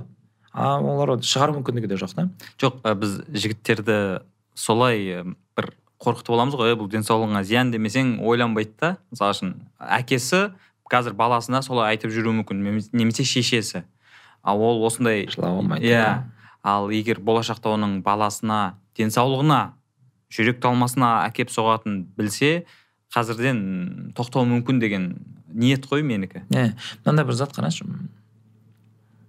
Ана аманашвили деген педагог айтады да біз баланың балалық шағын түсінбейміз дейді да оны сезіне алмаймыз ешқалай. Көп ата ана үшін балалық шақ ол бір жұмақ сияқты дейді бір күшті ана баланың кредиті жоқ ештеңкесі жоқ уайым қайғысыз жатыр а бірақ ол бала үшін ең көп күш жұмсайтын ең көп энергия жұмсайтын кезеңі да яғни біз ересек кезімізде ондай күш жұмсамаймыз. Яғни бала бізден көбірек шаршайды негізі ше. Яғни бұл нені білдіреді? Біз баланың балалық шағын түсінбейтіндігімізде. Сосын мынандай бір қызық не бар. Ііі көшенің тәрбиесімен тәрбиелеу деген ше бір қаталдықпен қаттылықпен бұл болашақта сынып қалмау керек. Өзіміздің бір ренішімізден туған бұл қайдан шыққан белгісіз әйтеуір бір сондай сипат байқалады. Ыыы мынандай зерттеу бар. Енді менде де сол тақырып болды. Енді әке ұл бала өсіп келе жатыр қалай тәрбиелеуің керек жаңағы. Біз өзіміз көргенде «Ей, жылама деу керек па көшеге шыққан кезде жаңағы мен біз көше мен үйдің тәрбиесін аралас көрдік қой тоқсаныншы жылдары. А ол балаға не беру керек деген сұрақ болды да. Сол кезде мынандай бір зерттеу оқыдым. Ол ыыы израиль мен арабтардың арасында мысалы соғыс кездері да. Сол кезде ә, кім қалай тәрбиелейді баласын? Сол кезде арабтардың тарапынан жаңағыдай көп байқалады екен қаталдық қаттылық қатыгездік. Біз ана бір тәртіп пен қатыгездік шатастырып алып жатамыз ғой. Ә, сондай тәрбие бар. А мына жақта керісінше бағанағыдай гумандық дейміз ба адами тәрбие да. Яғни балаға жаңағыдай жыласаң шашың түсіп қалады ер жігіт өйтпеу керек деген әңгіме айтпайды оған. Енді соғыс. Былайша айтқан кезде нағыз еркектіктің бір сыналатын кезеңі да. Қай тараптың әскері көп қашады дезертир қай тараптың әскері көп суицид жасайды. Араб тарап иә, иә. суицид көп жасайды? Иә көп қашады. Көп қашады. Иә яғни біз ойлағандай мен кішкентай кезімде қатал болсам қатты болсам болашақта да солай болады деген заңдылық емес та тағы бір мысал келтірейін рұқсат болса. Ә, біз ортаншылды неге бердік? Андай спорт секциясына өзі барғысы келді. Ол ана спорт секциясының бір моделі мындай еді жаңағы айлық ақшасын төлейсіз ішінде бәленбай жаңағы фотосы бар жаңағы спорт түрлері бар өнер не, ә, түрлері бар театр бар бәрі бар да ішінде ағылшын тілі бар бәрі бар. Мен айтамын да бірақ бала қайсысына баратындығын өзі таңдайды деймін да яғни бәріне бару шарт емес деп жаңағы келісіп отырмын ғой орталықпен. Сөйтсем кісілер жоқ олай болмайды дейді. Бірден белгілеп анықтап алу керек. Бәріне бару керек дейді. А. мысалға ол жаңағы айталық таэквондосына барған кезде оны қинайтын болса бала қиналғаннан бармаймын десе онда оның жаңағы жігері қалыптаспайды дейді да. Мен ойландым да шынымен жігері қалыптасу үшін біз кіш- кішкентай кезінен жаңағыдай қинауымыз керек па қатты болуымыз керек па деп. Қарапайым мысалы бала ойыншық жинаған кезде жинамаса бұл қазірден ойыншық жинамаса онда бітті ғой бұл ертең ертеңнен бастап салақ болады ғой деген бір қорқыныш көп қой бізде. Қазір бауырымен ойыншық бөліспесе бітті мынау кейін сараң болады деген сияқты ше. Ыыы мен бұл сұрақтың жауабын аман ашвилині таптым да ол кісі айтады. Мысалы бала андай қажеттілігін қанағаттандырушы дейді да. Мысалы алда бір ойыншық ойнап отыр да біз қалай қалаймыз? Мына ойыншық ойнап болды ма? Жинап болып екінші ойыншықты алу керек сияқты да ол. Бәрі идеальный болу иә. А бірақ бала мына ойыншық ойнап жатқан кезде екінші бір қажеттілік туады. Айталық теледидар көру деген немесе басқа бір ойыншықпен ойнау деген. Ол ана соны қалдырады да ауысып кетеді ана жаққа. Ауысып кетеді ауысып кетеді. И ананың бәріне шашылады біз қиналамыз жаңағыдай. Ей тәртіп қайда деп. Немесе жаңағыдай секцияға барған кезде бала мынаған барады. Қызығушылығы мынаған ауысты мынаған барады мынаған ауысты. Ей тәртіп қайда? Табандылық қайда? Сен қазір табанды болмасаң ертең де осындай боласың деген қорқыныш қой біздегі уайым. А бірақ баланың қызығы табиғаты қалай екен да ол сол кезде кішкентай кезінде бес жасқа дейін қажеттілігін қанағаттандыру арқылы табандылығын қалыптастырады екен да. Яғни мен қажеттілігім пайда болды қанағаттандырдым қажеттілігім пайда болды қанағаттандырдым бес жасқа шейін ханымдай көрдің философиясы да. Мен өзіме сеніп өсемін ғой. Менің өзім қажеттіліктеріме өзімнің ішкі ә, қалауларымды құнттап қадірлеп өсемін да сәйкесінше болашақта мен кәсіпкер болайын немесе бір саланың маманы болайын мен түрлі қиындыққа кездессем мен сынбаймын. Өйткені менде қалыптасқан өзегім бар да. А бізде керісінше кішкентай кезінде жаңағыдай болу керек деп сындырып тастаса кейін ол болмайды екен да. Яғни осындай нюанстарды ескермейді екенбіз да. Біз ойынды бір зиян ретінде көреміз ғой. Мысалы ерте жастан мынандай бар не бар жаңағы қайтадан ойының осылғыр деп иә иә ойының осылы бар аманашвилидің қателеспесем бір несі бар. Маленький школьник дейді да. Тура осыны сухомлинский де айтады да. Яғни біз баланы ерте жастан жаңағы партаға отырғызып қоюымыз тезірек бір ана оқу әрекетіне кіргізіп жіберуге тырысуымыз бірде бір ата ана келді мынау жаңағы ойын осылғыр ойнай береді деген әңгімемен ата ба- баласына қатысты. Ыыы енді мен айтамын да не қалайсыз ол ойнамағанда не істейді енді ол деп ше? Оқысын дейді да. Сосын мен бүйтіп алып келдім да ол кісіге. Еңбек деңгейін қалайсыз ба дедім да. Орысша вы хотите чтобы ваш ребенок трудился? деп ше? Сонда трудяга болған сосын конечно дейді да. Сосын мен айтамын окей а форма проявления труда? То есть біздің өмірімізде еңбек қалай көрініс табады? Оның қандай түрлері бар деп сұраймын ата анадан білмеймін дейді да қызығы ыыы еңбектің үш көрінісі бар екен да біздің өмірімізде. Ең бірінші ең алғашқы көрінісі ол ойын. Яғни ойын біз ойлағандай ыыы бос уақыт өткізу емес ол бала үшін еңбек та нағыз еңбек. Миына да. Жалпы түгел миына. Бала қозғалмаса баланың өзі де денесі де миы да дамымайды. Яғни қозғалыс ол керек зат та. Ең қатты қозғалысты беретін ойын. Тура сол сияқты бағанағы ана сезімдерді сезіну үшін бала өзінің бойында болып жатқан құбылыстарды түйсіну үшін оған ойын керек. Енді қандай ойын деген бөлек тақырып бірақ ойын керек. Екінші еңбектің ә, формасы ол оқу. Үшінші еңбектің көрінісі ол жұмыс. Енді былай қарасаңыз ол адам мысалы дүйсенбіден жұмаға дейін жаңағы бір өліп талып жұмыс істейтін адам бар немесе бір әре сүйретіліп бір қайын жұртқа баратын күйеу ұқсап жүретін кісілер бар да сенбі жексенбіні аңсап жүретін. А ол қайдан шықты? Ол бағана оқу кезеңінен ол олқылықтан шықты да. Жаңағы оқу тура осылай біреу құлшынып оқиды білгісі келеді құштарлығы бар білуге деген біреулер жаңағыдай қайтадан.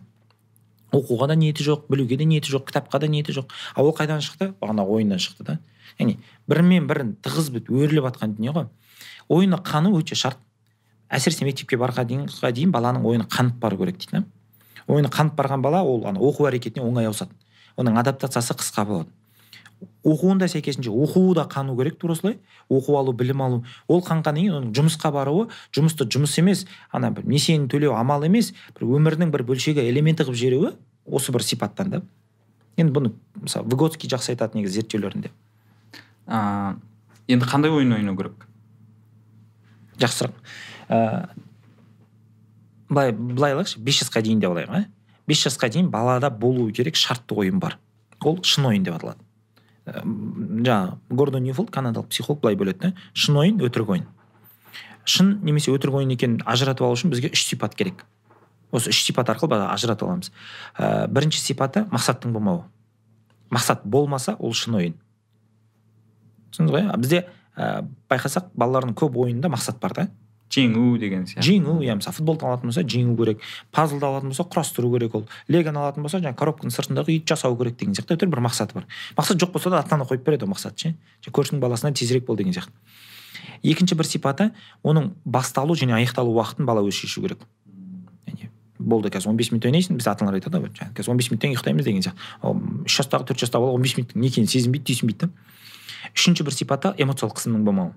Физикалық қауіп болуы мүмкін. Бірақ эмоциялық қысымның болмауы бағанағы ә, жігіттер жыламайды өйтсең бүйтіп қалады деген сияқты. Оның бәрі эмоциялық қысым ғой.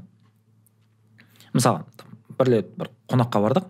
Сосын бір терезенің алдында шаң басып қалғанына қарағанда біраз болған жатқанына пазл жатыр. Сосын біздің балалар қызықты да ана пазлды құрастырып тастады. Ана жерде ата ананың алдында бір міндет пайда болды сол үйдің егесіне. Балаларын шақырып алып мына пазлды неге құрастырмайсыңдар сендер осы уақытқа шейін? Кәне отыр да құрастыр. Мен не үшін алдым? Иә мынау енді бұрыннан алған ешкім проблема тудырмаған ғой. А мына бала жаңағы он бес минутта құрастырды. Сен де отыр да он бес минутта құрастыр құрастырғың келмейді жоқ отыр да құрастыр яғни мақсат та бар эмоциялық қысым да бар уақыт шектеуі де бар да. Осы үш шарт бар болатын болса ол өтірік ойын. Балаға екі ойын да керек бірақ бес жасқа дейін шын ойын керек. Ол болуы шарт. Шын ойын болмаса не болады? Шын ойын болмаса қарапайым түрде бала өзінің ішінде болып жатқан заттарды сыртқа білдіре алмайды сыртқа шығара алмайды. Ал ол білдіре алмады деген сөз ол сезіне алмайды атай алмайды. Ол атай алмады деген сөз одан былайша айтқан кезде ә, болашақта өз өзіне рефлексиялық сұрақ қоя алмайды өз өзіне анализ бере алмайды есеп бере алмайды. Ал ол өз өзін басқара алмайды яғни бір ұзын жолды қысқа қылып айта салдым да бірақ ойынның әсері өте маңызды. Ә, қателеспесем эйнштейннің мынандай несі бар? Сөзі. Ол кісі бүйтіп айтады ойын ә, табиғи даму бағдарламасы дейді да. Яғни бала үшін даму керек болатын болса ең күшті яғни естественный программа ол ойын. Ойнау керек. Ойыны қану керек бірақ жаңағыдай шарт талаптарға сай ойын болатын болса әсіресе бес жасқа дейін тіптен тамаша. Ә, қазір сіз айтып жатқан айтып жатқаныңызда мен ә, өзімнің бала кезімді есіме түсіріп отырдым да. Маған ана дэнди деген болды ғой. Иә соны әкеп тұрып бермей қойды. Сондықтан да мен әлі күнге шейін ол есімде да мен әлі күнге шейін мына плейстейшнге деген әлі құмарым. Иә қанбаған. Әлі күнге шейін ойнағым келіп тұрады. Бірден мынандай қызық жағдай болды. Ыыы мына бурабайда жүрміз. Ә, бізді сол бала тәрбиесін сөйлейтін адам ретінде шақырды сол жерге. Сосын біз отбасымызбен бәріміз біраз қызық болды негізі ол жақта. Соның бір қызығы көлікте келе жатырмыз. Сосын ортаншыл бізде сондай андай. Ііі қалжыңдап айтамын мен кейде. Халыққа тегін концерт қоятын бала да ол. Сол мінезі сондай. Келе жатқан кезімізде жаңағы бір жарнамадан бір тәттінің жарнамасын көрді жаңағы. Қателеспесем кәмпит қойдым. Мен кәмпит жеймін деді да мен әлі ештеңке деп үлгерген жоқпын жүргізуші менен бұрын әрекет етіп жолдың шетінде тоқтап жатыр да мен сұрадым не істеп жатырсыз десем тоқтап кәмпит алып келейін деп жатырмын дейді. Не үшін? дедім да сосын мен сіз бала тәрбиесінде жаңағы енді ол ана балаңды бес жасқа шейін қаныңдай көр деген ол түгел қажеттілігін қанағаттандыру ғой деп қарап жатыр да. Мынаны қазір алып бермейсіз ба мынаған дейді да а не үшін алып беру керек деймін ғой кісімен? Енді сұрап жатыр ғой дейді да «Ә, сұраса болды алып беру керек па деп жаңағы. Ана кісіні біраз мазалап жатырық та тізе батырып таныс болғаннан кейін сосын жаңағы диалог құрдық баламызбен. Ыыы бұны да жаңағы джон готман айтады баламен диалог құру мәселесін. Өзінің бес қадамы бар. Соның біріншісінде жаңағыдай кәмпит жегіңіз келіп тұр ма? деген сияқты ше. Бала иә кәмпит жегім келіп тұр мә мен де кәмпит жегім келіп тұр кәмпит жеу күшті ғой иә қандай кәмпит жегіңіз келеді? Мынандай кәмпит жегім келеді кәмпитің болса не істейтін едің бауырларымен бөлісетін едім а мен кәмпитті былай жейтін едім мә кәмпит болғанда өйтеді әңгімемен ары қарай кетіп қалдық та. Яғни джон готманның айтқысы келгені балада былайша айтқан бір қалау пайда болды. Нәпсісі. И оның не екенін білмейді ол. Бұл не бәле деп тұр да. И оны қанағаттандыру шарт емес екен.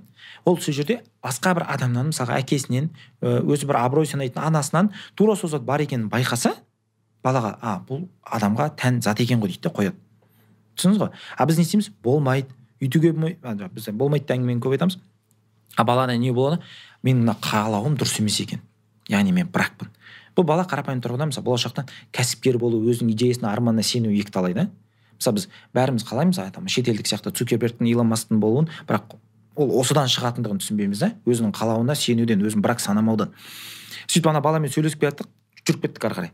Сосын ана кісі сонда кәмпит алу шарт емес па дейді да. А баланың сұрап тұрғаны кәмпит емес қой. Баланың сұрап тұрғаны мен не үшін кәмпит жегім келіп тұр деген сұрақ та негізі. Мен ә, түсінгенім ә, шектеу емес немесе ә, рұқсат бере салу емес толық қанағаттандыру емес иә дұрыс коммуни- коммуникация орнату баламен. Иә иә. Бізде сол нәрсе жоқ қой. Аузын жабай мынаның. Немесе ә, екінші осылай істейтін болсаң сенімен басқаша сөйлесемін деген әңгімелер екінші алып бармаймын дүкенге. Иә. Екінші сенімен көшеге шықпаймын. Ешқайда шықпайсың болды енді. Ауылға барасың немесе үйде отырасың деген проблеманы шешу емес жасыру да. Иә бір рет бір ата ана ә, бір мәселесін сөйтіп шешкен екен да жаңағыдай ә, бала сондай өзінің қажеттілігін білдірген үшін айыпты болып әкесімен бірге жүрмейді да сосын мен қалжыңдап енді әкесін көлік жүргізетінін білемін қалжыңдап айттым да сіздің неңіз багыңыз жанса деймін да бүйтіп бак құю керек деп не істейсіз деймін ғой бензин құямын дейді да мен айтамын неге скотч деп салмайсыз деймін да көрсетпей ше жасырып «е, болмайды ғой дейді да мынау да сол тура солай да болмайды да сіз оны кейінге қалдырғаннан мен үшін бұл проблема жоқ деп жасырғаннан ештеңе өзгермейді да енді жаңағы баланың сондай қырсық мінездерімен ә, осы коммуникация арқылы күресе аламыз ғой. Ол қырсық мінез деп айту қиын ана. Бізде солай Ә. қалыптасқан ғой. Ой, қырсығы осы. Мен мынандай жеке кейстен бастайыншы. Мұғалім болып сабақ бере бастадық та. Сол кезде мұғалімдердің енді біз жас мұғалім болғаннан кейін ба әлде жалпы кез келген мұғалім де болуы мүмкін. Пет студент деген болады. Бір сүйікті оқушыларың болады. Жаңағы өзі алғыр алдында отыратын сабақты орындап келетін қолы түспейтін балалар жақсы көресің да. Сосын ана сорлы балалар болады ешкім жақсы көрмейтін бұзық бола беретін жаңағы бір тыныш отырмайтын олар да бүйтіп ана аулағырақ бүйтіп алысқа отырып тастайсың олар өздері бір жеке әлем болып соны отыра береді. Сол кезде біздің жаңағы жұмысымызға мұғалім ретінде баға беретін методист кісі да сол сұрап сұрап отыр да неге аналармен қарым қатынас құрмайсың? Неге аналармен жұмыс істемейсің? деген сияқты. Мен айтамын «Да қиын ғой олармен жұмыс істеу яғни неге сен мыналарды жақсы көресің? Өйткені бұларды жақсы көру оңай да. Ол кісі мынандай бір түйін айтты да ә, кімді жақсы көру қиынырақ ол жақсы көруді көбірек қажет етеді. Яғни дәл сол махаббат дәл сол жақсы көру жетіспегеннен кейін де оның мінезінде оның әрекетінде сондай ауытқулар бар деді анау қатты әсер етті да. Шын мәнісінде ғой біз ана ә, болатын баланың ғана белін буамыз ғой. Негізі әр баланың белін бусақ бәрі болатын еді ғой. Ә, мына жерде де тура сол да кейде бір ана затқа басымдық бере алсақ мысалы баламыз мынандай болуы мүмкін да жаңағыдай біз қырсық дейтін мінезі ауыр дейтін бала. Ол керісінше ол бала біздің ең андай жеңілдігіміз. Онымен жұмыс істеу жеңілірек оған махаббат көбірек беру керек болуы мүмкін да. Бізде ата аналар осылармен жұмыс істеуге тырысады. А мен ата ана ретінде айтар едім мысалы бүкіл назарды негізі ана көмпіс балалар бар ғой тіл алғыш. Соларға бұру керек та. Мысалы елестетіңізші жаңағы дүкенге бардыңыз. Сол бес жасқа дейінгі баламен. Ол бала мына ойыншықты мен алайыншы деді жоқ алмайсың деді ол орнына қойды кетіп қалды. Ол нені білдіреді? Бала тіл алғыш деген сөз емес қой. Ол бала не үшін тіл алғыш болып тұр? Өйткені ол өзінің ішінде пайда болған қалауын өзі толыққанды сезіп тұрған жоқ. Ол бала ана сезсе сол сезінгендігімен ғана сізге қарсы шығады да. Сізді сыйламағаннан сіздің абыройыңызды мойындамағаннан емес. Ана қалау қаттырақ болып тұрғаннан. А мына жерде мына балада қалау әлсіз. Ол тура сол қалау ертең мысалы ол отбасын таңдаған кезде мамандығын таңдаған кезде де тура солай әлсіз болады ғой. А мен оны қаламас едім да. Яғни керісінше біз ана мына бізге проблема тудыратын бала емес анамен ананың ана ту, ананың тура сондай бұзық болуын оның сондай бір жаңағыдай мінезінің шығуын қалауымыз керек сияқты да. Иә бұл ата ана ретінде сізге бір жүк салады бірақ бұл болашақтағы жеміс қой. Мен мен әке ретінде осылай қабылдауға тырысамын да. Мхм. Ә, жаңағы енді қиын балалар деген анықтама бар ғой. Осыдан бір үш жыл бұрын ә, біз мынау денис теннің өліміне қатысты ә, осындай подкаст жасағанымызда но подкастта сол туралы әңгімелескенімізде мынандай бір ой шықты да ә, біз жаңағы ә, сол өлімге себепші болған балаларды сол қиын балалар анықтамасына жатқызамыз да оларды қоғамнан алыстауымыз керек деген і, шешім қабылдап қойғанбыз. Шеттетуіміз керек. Иә шеттетуіміз керек деген. Бірақ оның себебі сол қоғамнан оларды біз сол бірінші сол ә, белгілерін байқағаннан ақ олардың қиын бала екенін сондай шеттеткенімізден оның бізге деген реніші бар қарсы рефлекс яғни мен бұларға дәлелдеймін мен көрсетемін деген сияқты. Сондай болуы мүмкін ғой ол? Енді көбінесе солай да ау солай иә? Мен бір кейс есіме түсіп отыр жаңағы александр нил деген кісінің несіне болған? Егер көрермендер не болып отырған болса бұл кісінің ә, мектебі бар саммерхилл деген ютубта сол ана көркем фильмі де бар деректі фильм де бар көп материал бар. Көремін десе андай бір осы тақырыпқа әдемі ашып береді да мына гуманная педагогиканы ә, оксфорд мектеп андай бір ә, қызығы. Білім жаңағы ғылым министрлігі болады ғой ұлыбританияның. Сонымен алты рет соттасқан. Министрлік мектепті сотқа береді да ережелерді сақтамағаны үшін.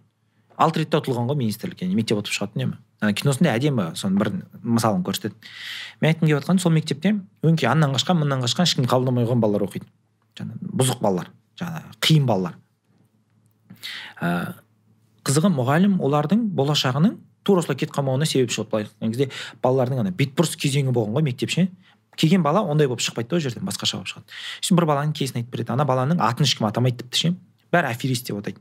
Соншалықты елдің бәрін алдай беретін. Сөйтіп бір күні сол аферистің ә, ағасы нағашысы хабарласады мектеп директорына. Мен ана жиенімді алайын деп едім бір екі күн қасыма рұқсат етіңіз әке шешесі рұқсат беру керек дейді. Жақсы дейді. Бір екі күннен кейін ана баланың анасы хабарласады. Мен інім алайын деп отыр екен ананы алса бола ма дейді. Иә болады алса ыыы жаңағы жолына ақша керек деп анасы айтып жатыр да Ә, директордан сұрайды. Сіз ақшасын бере тұра аласыз ба? Мен кейін келген кезде ақшасын беремін сізге ана интернат мектеп қой жатып оқитын. Қателеспесем бір елу ма фунт стерлинг деп айтады жолына керек ақша. Жақсы деп директор ана ақша береді. Кешке әйелімен жаңағы сөйлесіп отырды осы мәселені. Ертең таңда бала кету керек жолға шығу керек. Сөйлесіп отырып ана кісі мынаны түсінеді. Ағасы жаңағы нағашысы болып та анасы болып та хабарласқан баланың өзі екен. Яғни алдаған да енді аферист қой. Жетіп барады жаңағы ұйықтап жатқан жатын бөлмесіне ше. Кіріп келіп ана көзі бақырайып кетті. Дейді енді ойлады ғой ұсталдым деп. Ол сөйлемей тұрып бірінші сөйледім дейді да жаңа анаң хабарласты деп айттым дейді. Біліп тұр ғой анасы хабарласу мүмкін емес екен жол елу фунт стерлинг емес сексен екен деп айттым дейді саған жетпейді ана ақшаң мә отыз тағы деп и ол сөйлеп үлгермей тезірек шығып кеттім дейді ыыы ана бала кетті таңертең жоқ. Бүкіл мұғалім бәрі айтады болды біз мына баланы жоғалттық бұл қайтып келмейді деп. Сол бір екі апта өткеннен кейін ба келеді ана бала. Келеді де сабаққа емес бірден жаңағы директордың кабинетіне кіреді ғой. Ана келген кезінде директор айтады да мен екі апта бойы ана басында сұрақпен жүргенін көрдім дейді да. Яғни негізі тәрбие деген баланы сұрақпен қалдыру ғой. Ана тәрбие деген түсіндіру емес тәрбие деген осы бір үнсіздік процесі да негізі. Ана баланың бір қаншама рефлексиялық анализ жасалып келгендігі келе салады да сіз білдіңіз ғой дейді да. Мен алдаған неге сіз одан сайын мен алдай тұра мені қолдадыңыз дейді. Сол кезде ана ары қарай түсіндіріп кетеді да ситуацияны. Бұл бала не үшін аферист не үшін елмен жаңағы алдау арқылы қарым қатынас құрады. Өйткені кішкентай кезінен өзін әлемге қарсы қойып алған. Өзі бір жеке аралда өмір сүретін сияқты. Сөйтіп бұл сыртқы әлеммен бар білетін қарым қатынасы алдау. Одан басқа амал білмейді да бұл. Ә, ешкім бұған сенбеген. Бұны үнемі сол алдағаны үшін бәрі шартты қабылдап одан сайын жазалаған жазалағаннан бұның әлемі тарыла берген бұл басқа ештеңке болмаған да. Өмір ғұмырында бірінші рет бір адам бұның аралынан өтіп кетіп тұр ғой. Бұның сол әрекетін даттамай керісінше қолдап өтіп кетіп тұр да. Ана кісі бүйтіп жауап береді жаңағы директор. Мен не үшін сен алдағаныңды білдім бірақ не үшін қосымша ақша бердің? Енді осы жасқа шейін тәжірибелімін білімдімін деп санаймын. Соған қарамастан сен мені алдай алғаныңа риза болдым дейді ғой. Ойлашы сондай бір құйтырқы тірліктің ішінен бір позитив көре алып тұр да. Ана бала таң қалады да сонда қалай деп. Бұның жаңағы аралында ешқашан адам басқа адам жан аяғын баспаған болып тұр ғой. Сол бір ана сезім ойландырған да бұл баланы. Сөйтіп әңгіменің түбін ана не деп аяқтайды бұл аферист қазір гарвардта сабақ береді деп аяқтайды да. И сондай қаншама баланың бағанағыдай қиын балалардың тағдырына араласу арқылы оларды жақсы көру арқылы ыыы мен ойлаймын да бір бетбұрыс жасап берген мамандар да керісінше солай болу керек те сияқты. Мысалы мұғалім болған кезде де біз өзіміз көп көрдік та мысалы жаңағыдай балалар болады. Мысалы бір бала болды ыыы бағынбайды. Жаңағыдай бүкіл мұғалімдер ата аналар жиналысында бүкіл мұғалім ана баланы жамандайды. Ана ыыы жамандап жатқан кезде мен есімде ең бірінші ата аналар жиналысы өзім мұғалім ретінде қатысып жатқан. Ана ана ұялып отыр да өзінің баласына үшін ше сосын біз ең жас ата мұғалім ретінде ең соңынан сөз сөйлейміз. Сосын мен шығып айтамын да ыыы құрметті жаңағы біздің әріптестер сіздердің педагогикалық оқуды бітіргендеріңізге ұзақ болған сияқты. Баланың мысалы қарапайым темпераменті болады холерик флегматик сангвиник деген сияқты. Бұл бала холерик. Бұл орнына отыра алмайтын бұзық емес бұл жай ғана холерик. Яғни біз оған мынандай амал тәсіл қолдануымыз керекпіз. Яғни бала бракованный емес жай ғана бала ерекше. Біз онымен жұмыс істей алмағаннан ол жаман емес деп жаңағыдай. Ана жерде барынша анасы дұрыс көңіл күймен қайтсын деген ой болды да. Қызығы сол бала ертеңінде келді да ана бүйтіп. Үн жоқ сөз жоқ маған алғыс айтты да. Респектен иә иә респект деген сияқты. Рахмет деп. Ә, сол бала кейін ашылды. Мысалы ол баланың бойында андай өнерге бейімі бар екендігінің пародияны мықты салатындығының сол кезде мысалы ана президентті мықты салатындығын көрдік та сол жерде ана өзі жақтырмайтын мұғалімдердің бәрін ана іс қимылын әрекетін сөзін ыыы яғни мен ойлаймын да адамды егер өзгертетін болса сын емес дәл осы махаббат жақсы көре алу өзгертетін сияқты да. Бірақ бағанағы айтқанымдай сол жақсы көруді біз өкінішке қарай кеш үйреніп жатырмыз да. Мүмкін мен кеш болса да үйренсек жақсы деп ойлаймын. Ә, иә ә, демек ә, бізде мына қоғамдағы қылмысқа баратындар түрлі м бұзақылық жасайтындарды біз кезінде өзіміз өзіміз шеттетіп тастадық бұл. Сонда анықтама беріп бұл, бұл сондай. Ертең бәрібір бірдеңе ұрынады деп былай э, біз маған біз адам сипатынан шығарып тастадық қой. Иә. Қарашы? Мағжан жұмабаевтың жаңағы педагогика кітабында тәрбие мақсұты дейді да тәрбиенің мақсаты не деген кезінде түбінде қысқаша айтқан кезде адамның адам болып өтуі дейді. Яғни адам адам болу керек. Енді адамның адам болғанын біз немен өлшейміз дейді. Яғни қашан адам адам болады? Адам бақытты болған кезде адам болады дейді қызық та біртүрлі яғни біз қаншалықты бақытты болсақ біз соншалықты адам екенбіз да. Яғни бағанағы қылмыскерлер немесе тағы басқа сондай бір жағымсыз тірліктер ненің себебінен болып отыр? бақытсыздықтың себебінен болып отыр ғой. Ол адам өзін бақытсыз сезінгеннен. Бұны қайтадан жаңағы александр нил да қосады да егер ә, біз мынандай қалжыңдап айтады бақыт министрлігі бар болған болса және ол өзінің жұмысын өте сауатты істеген болатын болса денсаулық сақтау министрлігі керек емес еді да. Неге өйткені бәрінің дені сау болатын еді дейді ішкі істер министрлігі керек емес болатын еді. Неге өйткені ешкім қылмыс істемейтін еді дейді оның бәрі адам бақытсыздықтан істейді ғой дейді. Өзіңіз былай ә, бір бақытты болып көңіл күйіңіз көтеріңкі болған кезде ешкімге жамандық тілемейсіз ғой. Ешкімге бір нұқсан келтіріп зиян жасамайсыз ғой. А біздің жаңағыдай әрекеттеріміздің бәрі бақытсыздықтан болып жатыр дейді да енді бұны мысалы жаңағы қайтадан мағжан атамызға оралатын болсақ неге алып келеді? Адам ләззат алмай жүре алмайды. Бәрібір ләззат алады да. Мәселе неде? Мәселе ол сау ләззат ала ма? Әлде сау емес ләззат ала ма? Мысалға біреуге бір мейірімділік қамқорлық көркемділік жасау арқылы ләззат ала ма мысалы біреу бір қиналып жатқан кезінде қолдау көрсету арқылы ләззат алуға болады. Тура сол сияқты біреу бір қиналып жатқан кезде күлу арқылы мазақтау арқылы да ләззат алуға болады да. Яғни бақытсыздық бізді ана екінші жолға салып жібереді екен да. Яғни түбі енді ол бағана қылмыскерлік менің ойымша бір ең орташа сценарийлардың бірі ғана сияқты. Максимализм ұрып тұрған кезде ма бір ауыр айтатынбыз да енді жауапкершілікті бір жағынан алып ше? Мысалы дәрігердің қателігі ол өліп кетеді де көбінесе зиратта жатыр деп қалжыңдайтынбыз а мұғалімнің педагогтың қателігі ол көбінесе қылмыс жасап жүр деген сияқты. Түрмеде иә түрмеде жатыр. Мен ойлаймын да біз осы жерде мысалы мұғалім ретінде жауапкершілік алуға тырысатынбыз. Кез келген қоғамда бір жаңағыдай қылмыс болды деген кезде мен ойлайтынмын да мынау мұғалімнің біздің қателік қой мынау деп ше? Біздің бір жіберіп алуымыздан болған дүние ғой. Мына менің атым қожа бар ғой. Сол жерде бір ауыз сөзбен бүкіл педагогиканың мәнін ашатын сияқты маған. Анау осы бір жаңағы қожа келіп сұранып неғып кетеді ғой. Сол кезде осы бір қожаны түсінбедік деген әңгімесі болып жатқан кезінде сұлтан туралы әңгіме айтып қалды ғой. Сол кезде бүйтіп айтады да сол баланың мен шырағын жаға алмадым дейді да. Мен ойлаймын да педагогиканың басты бір міндетінің бірі сол баланың шырағын жағу. Ал ыыы бағанағы қоғамға зиянды әрекет істейтін балалар немесе жаңа өзіне зиянды әрекет істейтін түрлі бір жаңағы тәуелді ойындар ойнайтын немесе тәуелді әрекет істейтін балалар ол шырағы әлі жанбаған ғана кісілер да жай ғана сол бір оттықты көрмеген ұшқынды сезбеген. Ыыы ерте ма кеш па ол да болуға болады. Қиындау уақыт өткен сайын бірақ мүмкін деп ойлаймын да. Яғни үміт үзбеу керек сияқты ешқашан. Конфликттік ситуация бар тағы. Тәрбиені кім беру керек? Мектеп па? Үй отбасы ма? Әлде қоғам болып былай көше ма былайша айтқанда? Бір біріне лақтырады ғой жауапкершілікті. Жоқ біз бердік мектепке сол жерден үйреніп келді бұл дейді. А мұғалімдер айтады бұл семьясымен сондай болар дейді. Тәрбиесіне сондай. Иә тәрбиесі сондай. Неме да ол ол тіпті мынандай асқынған түрлері бар сияқты жаңағы үйдің ішінде ақ. Мектепке шықпай ақ ше үйдің ішінде әкесі жаңағы баласының бір қитұрқы тірлігін көрсе нағашыларына тартқан деп ше. Ол да. Анасы шығады тұқымына тартқан деп бізде ана жауапкершілікті итеріп тастау күшті қалыптасқан әдет қой ыыы тәрбиенің енді қызық ыыы абай атамыз да айтады бұны жалпы тәрбие теориясы да айтады да тәрбиенің үш ошағы бар үш көзі бар. Ол отбасы ол мектеп ол ортасы. Осы үшеуі комбо болу керек қой. Иә осы үштік әсер ету керек та негізі. Абай атанікінде күштірек айтады осыны ше бір анау бүйтіп айтады да адамға мінез кімнен жұғады?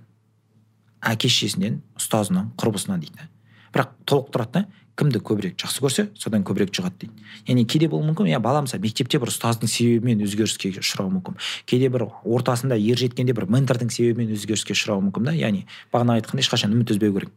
Ал енді тәрбиенің бағана үш ошағы отбасы мектеп орта дедік қой қоғам. Соған бір қалай қарасақ болады. Мен былай қарауға тырыстым да әке ретінде.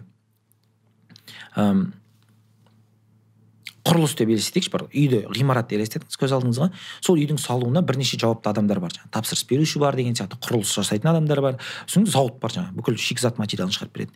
Мен әке ретінде менің міндетім жаңағы кірпіштің саны мен сапасына жауап беру. Түсіндіре алдым ба?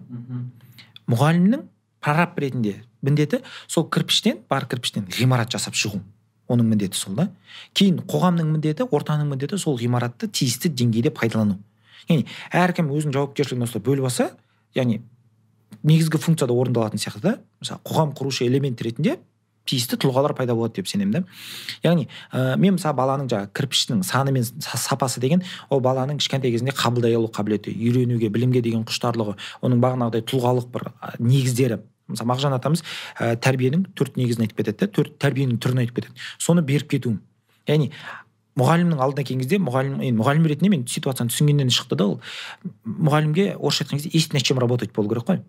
Ал мысалы бала келеді не әлі кірпіш жоқ немесе кірпіш аз сапасы нашар болатын болса мұғалім не максимум одан туалет жасай алады да. Мен андай теңеу ретінде айтып жатқаным яғни ол кезде уәж айту қиындау да. А неге сен дұрыс ғимарат екі этажды коттедж сала алмай жатрсың өйткені кірпіш аз өйткені кірпіш сапасыз. Яғни мен жұмысым сол деп ойлаймын да. Тиісті кезде бір тиісті затқа акцент қоя алу.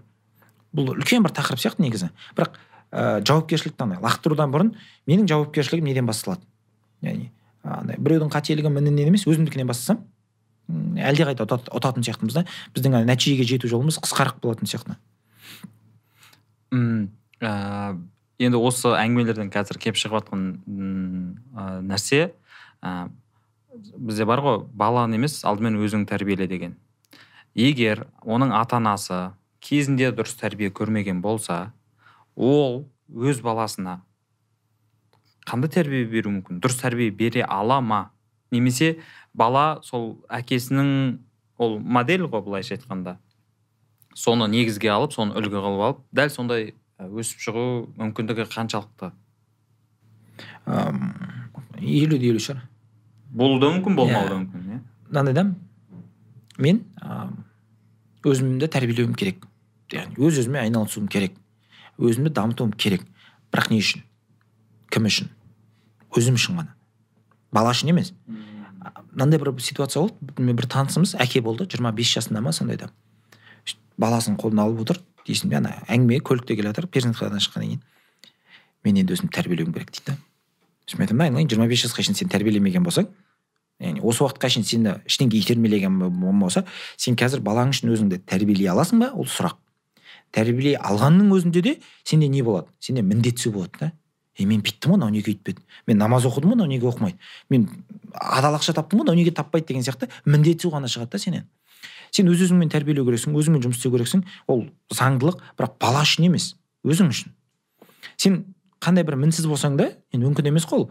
Бала сені қайталайды деген ешқандай кепілдік жоқ та. Ыыы үш төрт бес жасқа дейін ары кетсе сол бір жеті жас шығар. Біз бала үшін табиғи авторитетпіз ғой.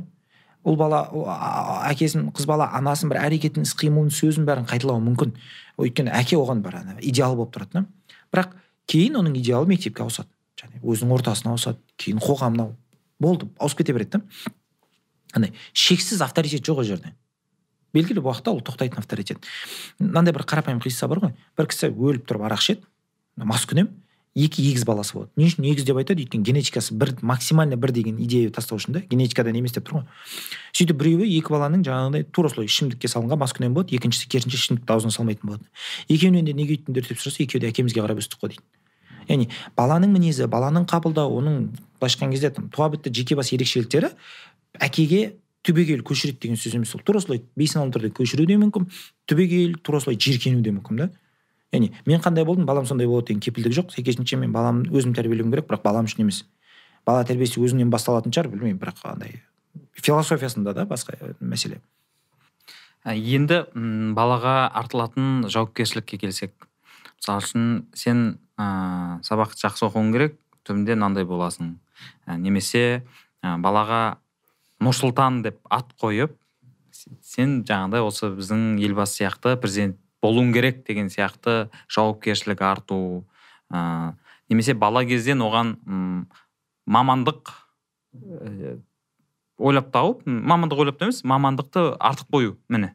Сен мен осындай болғым келген сен де сондай болуың енді мен бола алмай қалдым енді сен балам болады деген бар ғой. Мен енді өзім көп айтатын қазір соңғы кезде мүлдем ол ойдан кеттім. Мен енді арманым футболист болу болды да бола алмай қалдым. Мен енді баламды футболға беремін. Ә, болашақта баламды футболист қыламын деп. Бірақ енді жаңағыдай көп оқып зерттеп ол дұрыс емес екенін түсіндім да. Енді сол нәрселерге жауапкершілік арту осылай бала кезден. Оның м артықшылығы мен кемшілігі дейміз ба? Қандай әсері қандай болуы мүмкін? Мынандай сияқты деп ойлаймын мен. Мысалы мен де баламның белгілі бір сипаттарға немесе жаңа бір мамандық иесі болғанын қалаймын. Яғни мысалы салыстырмалы түрде мына мамандық болғанша мынау болсыншы деген қалау бар. Ол қалау бәрінде бар деп ойлаймын. Ә, яғни бұл қалаудың болғандығында ешқандай проблема жоқ. Мысалы сіздің балаңыздың футболист болғанын қалаған. Ә, бірақ мәселе мен сол қалауды қалай жүзеге асырамын? Осы жерде сияқты да. Енді мынандай бір мен бұрын қаттырақ айтатын бала сізге өмірде берген жаңағы утешительный приз емес деп ше? Өзің арманыңа жете алмай қалсаң енді баланың есебімен жетуге тырысып. Неге өйткені біз бұрын ә, жаңағы мектепте жүрген кезде де балалар жаңағы ұбт тапсырып дайындалып жатады мысалы мен медик боламын дейді е не үшін медик боласың? Ұнай ма саған? Жаңағы сол әрекет амал. Жоқ мен әкем медик болғысы келген енді сен де болғың келіп тұр ма? Жоқ әкем айтты маған енді ауыл басқа шын мойындау керек. Біз бакалаврда әке шешеміз ризалығы үшін оқимыз ғой. Сол кісілер риза болсын тыныш болсын деп дипломды табыстап содан кейін барып өзіміз іздеу басталады да бізде. Бір жиырма бір жасқа келген кезінен. Ол проблема ғой. Ә, мысалы сіздің балаңыздың жаңағы футболист болуы мүмкін ғой бірақ қалай? Ә, сіздің футболға деген махаббатыңызды бала көріп өссе. Яғни сіздің құштарлығыңызды сіздің құлшынысыңызды білмеймін ана бір қалай жанкүйер болғандығыңызды көріп өссе ол махаббат оған да оның дәні оған да егіледі ғой. Мынандай затта ә, шаталов айтады бұны интеллектуальный фон дейді. Бұл интеллектуальный фон балаға қатты әсер етеді. Ә, яғни отбасында қандай интеллектуальный фон болатын болса бала соны сіңдіріп өседі ә, жаңағыдай футболистердің отбасы болатын болса сондай болу ол әбден мүмкін. Ол баланың былайша айтқан кезде кішкентай кезіндегі икемі миының ойлау қабілеті жаңағы нейрондық құрылымы бәрі соған бейім болып тұрады. Ә, жаңағы футболға қатысты. Мысалы бір не айтайық ә, бах. Атақты мысалы музыканттардың бірі ғой. Қызығы өткенде бір дерек оқыдым. отызыншы ұрпақ музыкант екен да олар. Яғни анау неше ұрпақ бойы оның әке шешесі ары қаратасы ары қаратасы ары қаратасының бәрі сол бір интеллектуальный фонда өсіп келе жатыр да. Ана баланың былайша айтқан кезде музыкалық дарын болуы заңдылық қой. Оны таңғалатын ештеңе жоқ та. Тура сол сияқты ана мына интеллектуальный фон біз ата ана ретінде құратын балаға қатты әсер етті. Егер шын мәнісінде мен ә, сондай бір дүниені болғанын қаласам мысалы айталық баламның ғалым болғанын қаласам ә, және мен ол кішкентай кезінен әке шешесінің микроскопқа телміріп немесе энциклопедия оқып отқан өскен болса ол балаға әке шешесімен қарым қатынас бар екендігінің себебінен әкесінің абырой көргендіктен ол да соған ұмтыла бастайды да дұрыс модель ретінде. Яғни бағанағы қалауды қалай жүзеге асырамыз осы маңыздырақ сияқты. А, сосын бізде мынандай түсінік бар. Ә, мектепте өмір сүрумен қалай өмір сүрумен ақша табудан басқасының бәрін үйретеді дейтін бар ғой. Ә, енді ә, бірақ қызығы мектепте ол міндет жоқ қой негізі. Иә сол енді ол нәрсені ә, ата ана үйрету керек иә? Менің ойымша ол затты ешкім үйретпеу керек. Бәрі өзінің жоқ мысалы дәл ана лайф скилс дейді ғой. Бір өмір сүруді міне мен, мен мысалы мектепке жүктегім келмейді. Мен мысалы балам құдайбердінің арасын бір олқылық жасайтын болса мынау мектептің жауапкершілігі ғой деп ше? Ал ақша табуды ше? Ә, тура солай мысалы қараңызшы ә, маман ретінде немесе жалпы ересек адам ретінде өзім ақша табу қабілетіме қанағаттанбаймын ойлаймын да неге? Мен ақшамен қарым қатынасымда ақау бар. Бұл ақшамен қарым қатынас қашан қалыптасу керек? Бес пен жетінің арасында екен. Бес жас пен жеті жастың арасында. Яғни менің ақшаға деген қарым қатынасым қалыптасу керек. Енді ақша қолдың кірі емес ақша құрал ретінде. Қарым қатынас қалыптасу. Сосын ізденіп қарап әрбір дүниені қарадым сол кезде маған ең бір ыыы енді бірнеше ғылыми зерттеулер бар. Бірақ ана қарапайым практиканы айтатын болсақ ыыы шамиль әлеудиновтың практикасы ұнады да и бұның бір түйіні ретінде айтайын не істеу керек екен? Ыыы маған бүйтіп айтты. Бала ең бірінші үйрену керек заты ақшаны жинап үйрену керек екен. Ақшаға қатысты ана копилка деген осы жерде шығады да. Яғни баланың аша алмауы бұл жерде өзінің ережелері бар жаңағы. Ең алғашқы копилка ашылмайтын болу керек. Ол жаңағы бір аптаның ішінде толатындай болу керек жаңағы кішкентай болу керек деген сияқты. Кейін копилка ашылатындай болады бірақ ол мынанша уақытта деген сияқты өзінің ережелері бар. Бірақ бала ақша жинау қабілеті болу керек. Не үшін? Ақша қайдан келіп жатыр білмейді ештеңе жай ғана жинай береді. Біз не істедік? Күнделікті немесе аптасына белгілі бір берілетін сома бар. Не үшін? Жай! Ештеңке үшін. Бар болғаны үшін. Болды. Яғни бала жай ғана ала береді. Біз біз бұндай беруге қорқамыз ау қазірден жаңағыдай еңбектің ақысын білу керек деген сияқты ешкім ақша неғып жатқан жоқ зауыты жоқ деген сияқты ақша сұраса жаман оймен ой келеді ғой бірден иә сондай бір не иә. а мына жерде бала ақшаны қараңыз ақша келді ол жаратып жіберуге тырысады ғой кәмпит немесе тағы басқа а мына жерде ол ұстап қалу да яғни осы бір дағдыны беру керек екен бірінші екіншісі ақшаны жаратып үйрену керек екен ол яғни сол жинаған ақшасын жаратады енді қызық сол кезде бізден балалардан ең бірінші ақшаларын жинаған ақшаларын өзіне жаратады енді барады да кәмпит алады бір алады да ойыншық алады не қылады. И қызық сол өзінің құратын диалогы бар баламен диалог құрамыз. Ыыы ақшаны жаратып тастағаннан кейін бір күн екі күн қуанады күшті. Сосын біраздан кейін өшеді енді дофамин ғой берді өшті ана сезім тағы туу үшін сонда тағы ақша жинауым керек па деген сұрақтар болады. Қателеспесем біз үшінші ма төртінші ма жинаған кезде бауырларына зат алып берді да ана бауырлар ойнаған сайын алған яғни оның ләззаты ұзағырақ екенін көрді. Мә мынау күшті екен ғой деп ше? Енді анама шай алып берейінші келесі жолы деген сияқты сондай бір сипаттар байқады. Яғни қызық. Содан кейін ана ақшаны жарату қойған кезде шешім қабылдау дағдысы қалыптаса бастайды балада ше? Мысалға бір басқа қонақ балаға ойыншық алып жатырмыз. Дүкенде сосын өзі бір садақ алғысы келді мен де мына садақты алайыншы өзіңіз білесіз алсаңыз алыңыз. Бірақ ақшасын өзіңіздің ақшаңыз бар ғой жинап жүрген содан төлейсіз. Біз ана ашылатын копилкада жүрген кезіміз. Сол менің ақшамнан үйге барып сонда че алмаймын онда дейді да яғни андай бұрынғыдай алып берші деу жоқ яғни жауапкершілікті бала өзіне алып жатыр онда мен алмаймын. Неге алмайсың десем мен ол ақшадан алам деп жүрген затым бар дейді да яғни. Яғни ана ақшаны жырту құрту мәселесіне. Ең соңғы берілетін зат ол ақша табу. Яғни табу керек та е қызығы ә, қазіргі ересектерге қараңызшы шүкір көп қазақ ақша таба алады жақсы табады миллиондап болсын басқалап болсын. Бірақ сол ақшаны жарата алмайды ғой. Яғни мысалы дұрыс жарату деген жоқ та немесе сақтау деген. Мына жақтан былайша айтқан кезде бұл ағында келіп жатыр бірақ ол ешқайда сіңіп жатқан жоқ одан ештеңке өсіп өніп жатқан жоқ қой былайша айтқан кезде құр арық ол арықтың жанында бақша жоқ деген сияқты әңгіме ғой. Және өзімізді оны ол нәрсені ашық айтамыз ғой. Ой мен ақша жинай алмаймын мен менің қолымда ақша тұрмайды мен.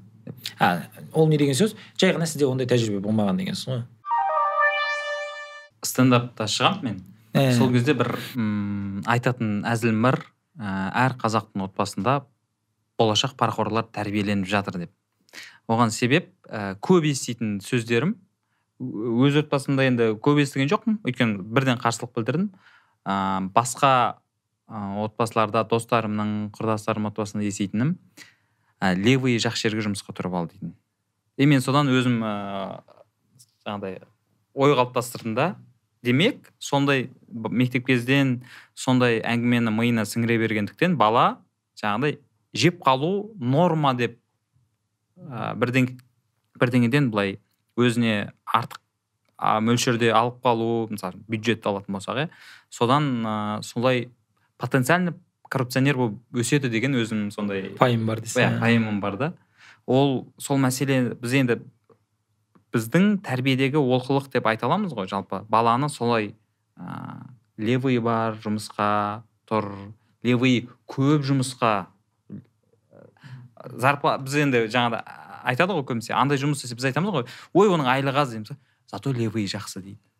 Зато левый көп ол жерде деген сияқты. Бізде ана не есіме түсіп кетті ғой. Баяғыда қоғамда лекция деген жоба болған. Сол кезде марғұлан дүйсенбай келді да соған. Мынандай бір қызық ойы түйін есіне қалып қойды.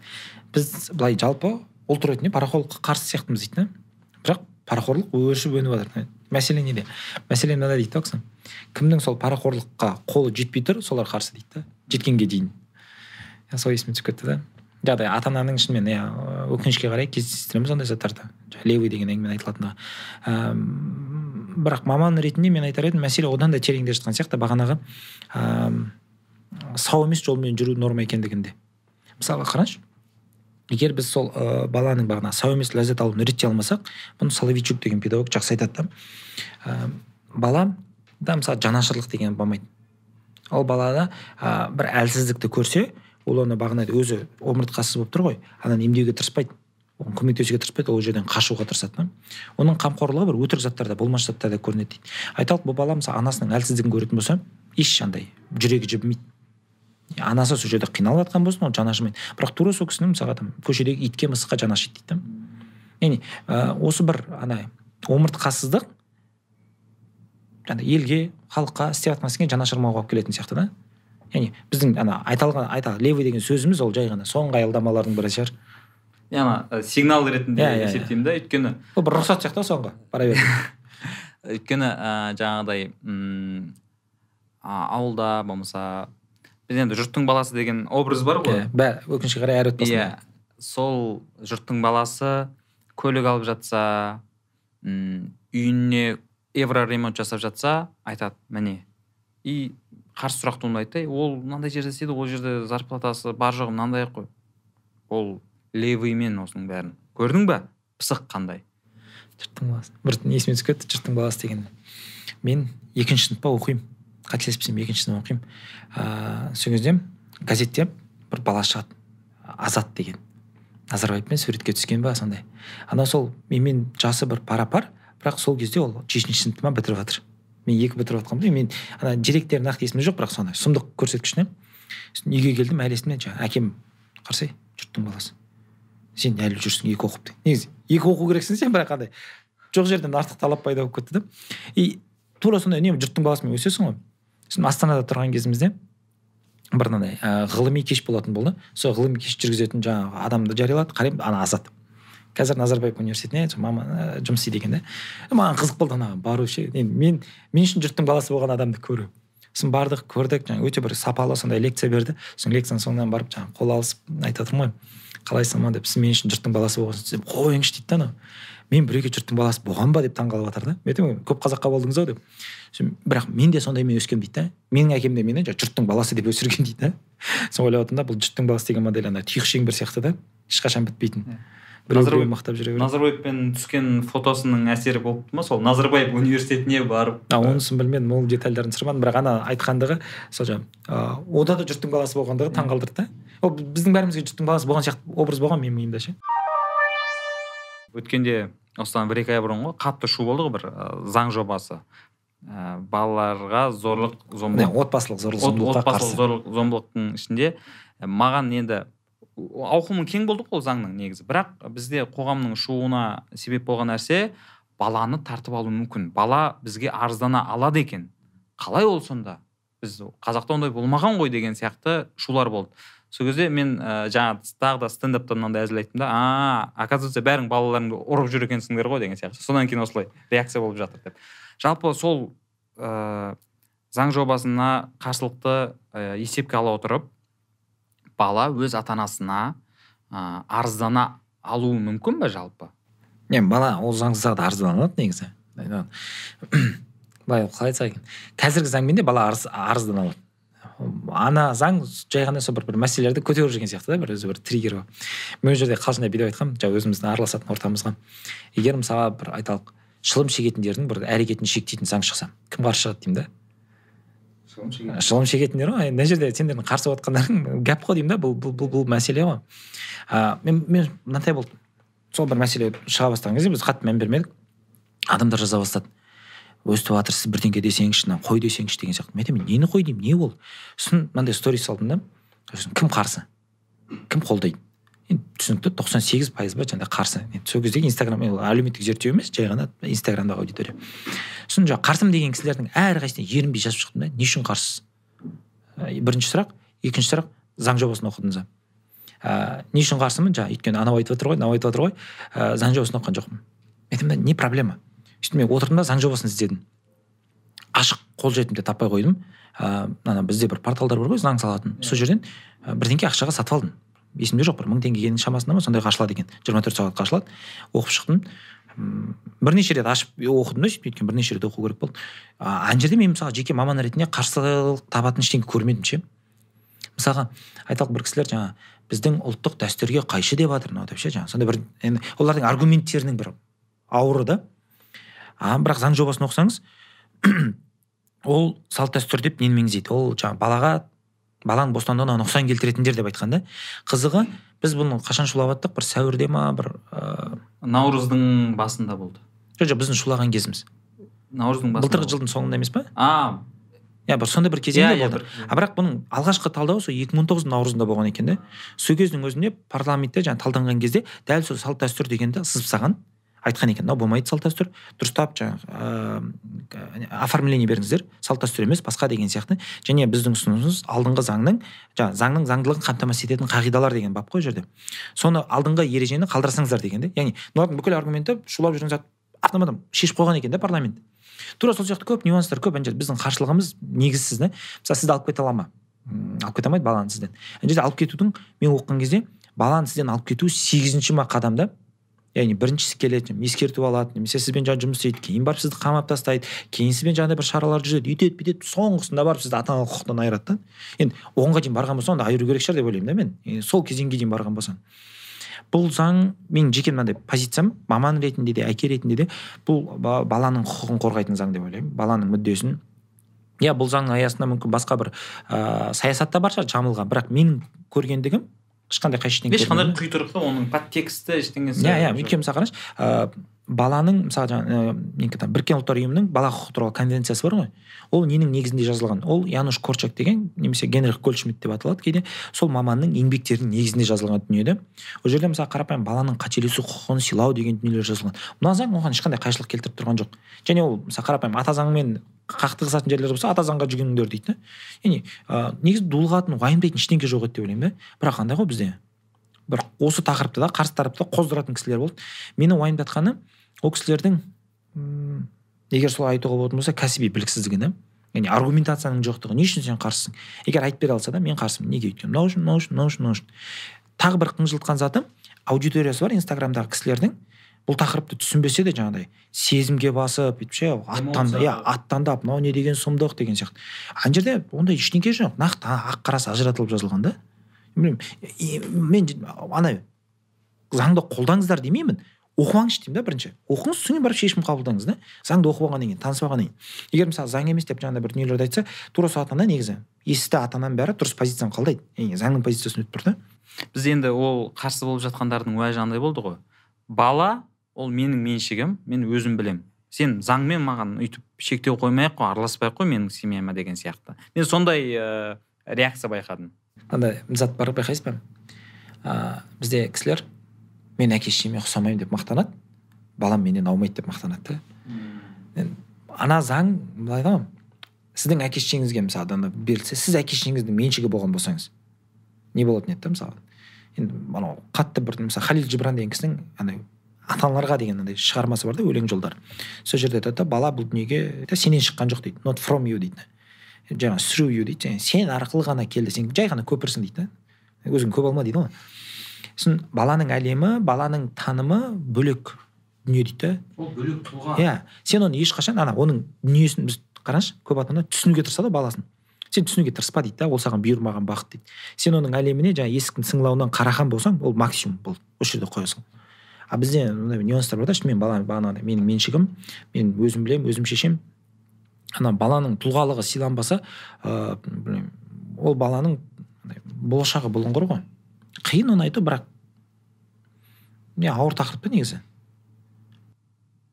А, енді тағы бір ауыр тақырып деймін ба жаңағы тағы бір қоғамда м шу болған жыныстық тәрбие. Жыныстық тәрбиені жаңағы мектепке енгізу керек деген ә, әңгіме шыққаннан бастап та ол да қарсылыққа кез болды. Өзіміздің басымыздан өткен дүние ғой біз бәрін көшеден үйрендік. Бірақ ол дұрыс үйрендік па? Ата үйретті. Иә дұрыс үйрендік па үйренбедік па ол сұрақ. Енді сіздің ойыңызды білгім келген ғой осы мәселені біз балаға кім үйрету керек? Мектепте ма? Ақыры ата ана жаңағыдай ол нәрсені табу ретінде өзіне жауып тастаған мен сол ата аналар сол тақырыпты табу қылып жауып тастағаннан кейін де мектеп соны үйрету керек болып жатқан сияқты. Салдарымен күресіп жатқан сияқты мектеп немесе сол қоғам немесе жаңағы түрлі сондай ұйымдар. Ыыы проблеманы шешуге тырысып жатыр да олар. А егер сол проблеманың алдын алсақ ата ана ретінде онда оларда шешу қажеттілігі де болмайтын еді. Мен осылай қабылдауға тырысамын да. Мынаны қарашы ыыы жаңағы жыныстық тәрбие деп біз нені айтып жатырмыз? Осы да сияқты мәселе. Яғни ә, мысалы қарапайым бала ә, сен ұлсың сен қызсың сені ерекшелейтін элементтер бар. Ол мынандай сияқты деген нюанстармен таныстыру бар. Яғни ә, қандай әрекет неге алып келетіндігін түсіндіру бар. Немесе соны істеуге үйрету бар да. Мен мысалға ә, жыныстық тәрбие болу керек деп ойлаймын. Ә, енді жалпы педагогикада да болу керек. Мысалы бағанағы тура сол генрих гольдшмидтті алатын болсақ ә, немесе біздің ұлттық тәрбиені алатын болсақ оның айырмашылығы жоқ. Бала ең алғаш танысу керек бес жасында. Тоғызыншы сыныпта емес неде емес ол бес жасында да мысалы ең бірінші балада сұрақ пайда болатын зат қой ол. Неге мен басқашамын? Мысалы ана қыз балада немесе қыз бала мен неге менде жоқ деген сияқты. Бұл ерте болу керек мүмкіндігінше. Ә, ер балаға әкесімен қыз балаға анасының тарапынан. Ол табу тақырыпқа біз жапқан оны жасырғаннан ол мәселе тек ушығады. Одан кейін жаңағыдай мектеп немесе тағы басқа адамдар шешу керек болады олардың шешкені бізге ұнамайды.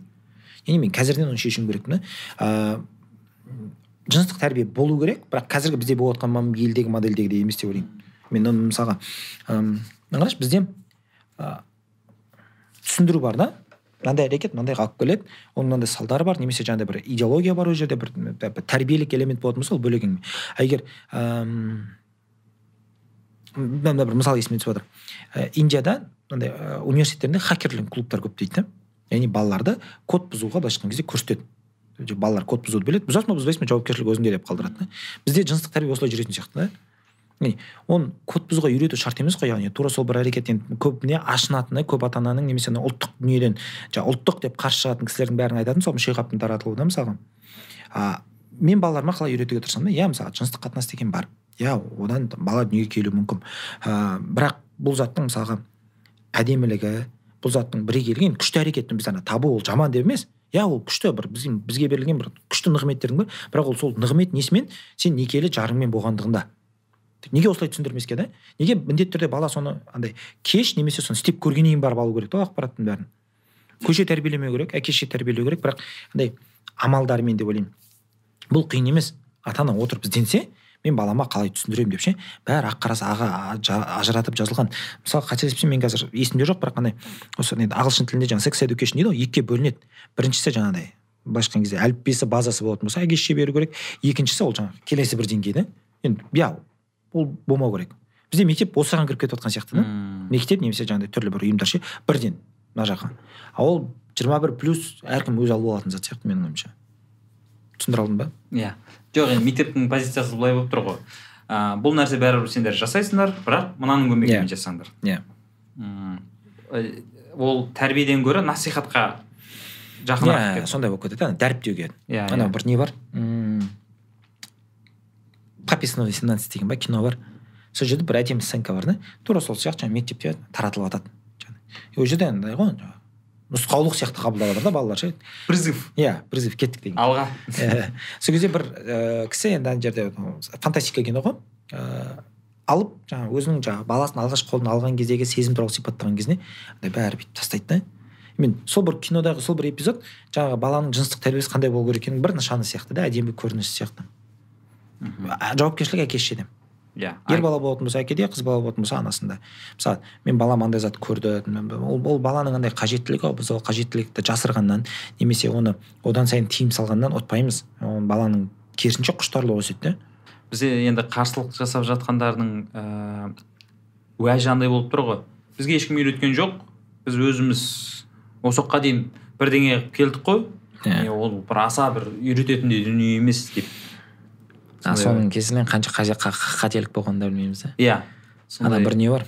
Енді ол қайтадан орысша айту керек ошибка выжившего дейді ғой когнитив байс дейді да бұны. Яғни біз шешім қабылдаған кезде жаңағы е бізді де ұрды ғой неше адам болдық қой деген. Мен бір рет бір кісіге қалжыңдап айтқанмын это еще нужно доказать деп ше. Мынандай да анау бір не бар? Дельфиндарды ақылды деп санау. Мысалы кезінде адамдар кемеде апатқа ұшыраған кезде адамдарды жағаға алып шыққан дельфиндар. О дельфин ақылды ақыл иесі екен деп ше. Сол кезде бір кісі айтады да мүмкін бұл дельфин жай ғана адаммен ойнаған шығар доп сияқты. Біреулер жағы кетті біреулер ары қарай кетті. Ары қарай кеткендерді білмегендіктен біз айта алмаймыз да дельфин ақылды деп. Тура сол сияқты. Сіз бүгінгі күнге жетіп отқандықтан сіздің көрген жолыңыз дұрыс деп айта алмаймыз біз ше ешқалай ә, тура солай мысалы бір кәсіпкер мысалы оқуын тастап кетіп миллионер болып кеткеннен оқуын тастап бомж болып кеткен қаншама бар екенін білмейміз ғой. Статистика жоқ болғандықтан оқуды тастау дұрыс деген шешім қабылдай алмайтын сияқты мына жерде де тура солай деп ойлаймын да. Менің жүріп өткен жалқы жолым жалпыға жарамайды. Осыны түсінуіміз керек қой біз.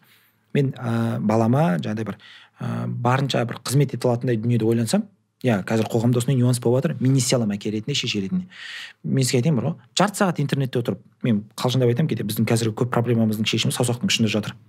Терсе гуглға халыққа шулай бергенде. Әлдеқайда тезірек алдыға жылжитын еді да мысалы үшін қазір әлеуметтік желі пайда болғаннан соң әсіресе мына инстаграм тик токты алатын болсақ ә, балаларын видеоға түсіріп салу. Ә, бала жас кезінен вниманияға үйренеді яғни. Жұлдыз болып немесе өзі өз аккаунт ашып алып немесе ата анасының аккаунтындағы видеолар арқылы. Ә, сол бала ә, біз енді ән оның әлі жемісін көре қойған жоқпыз ғой ол балалар әлі өскен жоқ былайша айтқанда мектеп бітірген жоқ деген сияқты. Қандай әсері болуы мүмкін? Жаңағыдай шектен тыс внимание. Бізде енді ондай ә, біздің кезде ондай тәжірибеде болған жоқ былайша айтқанда жаңағы вундеркиндтерді ғана алмасақ жалпылай ондай тәжірибеде болған жоқ қой. Максимум газетке шықтық қой иә.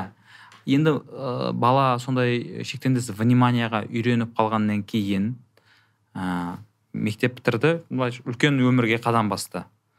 Не болуы мүмкін балада? Енді бұл салада мен есіме түсіп отқан енді андай кейстар деп алатын болсақ бритни спирс майкл джексон. Бала кезден ерте жаста назарда өскен. Ә, бұл танымалдылық дейміз ғой жаңағыдай шектен тыс назар. Қатты бір пайда әкелмейтін дүние сияқты да. Мысалға бұл баланың қалыптасуына енді егер баланың қалыптасуына зиян келмейтіндей болса мүмкін басқаша болатын ба еді. Бірақ біз көріп жатқан ситуацияда баланың қалыптасуына зиян етіп жатыр да. Баланың өзін қабылдауына баланың мына әлемді қабылдауында ол маңызды критерийлер ғой. Мен мынандай бір дүниені баланы тренингтерде айтқан кезде адамдар таңқалатын да немесе постта бүйтіп салатын да сторис салсам баланы видеоға немесе постқа салсам ыыы жаңағы сурет баланың рұқсатымен салынды деп жазамын да астына. Қалай дейді да «Е, жаңағы мен шешемін ғой болмай болмай деген сияқты ата аналардың тарапынан уәж естисің да мен айтамын жоқ бала өзі шешу керек. Ыыы андай сұрақ кетеді бала қаншалықты түсініп тұр оны? А маған қызық емес ол бала соны яғни шынымен терең анализбен шешім қабылдады ма салсын салмасын деп. Бірақ маған керегі бала салдым иә жоқ деп айтқандығы. Не үшін ол қазірден әдеттену керек те шешім қабылдауға өзіне қатысты. Яғни мен осы арқылы оны ана ә, тұлғалығының шекарасын сезіндіруге шақырамын да. Менің мысалы көп стористарым бар посттарым бар шықпаған. Неге балалардың жоқ деп айтқанынан ғана да.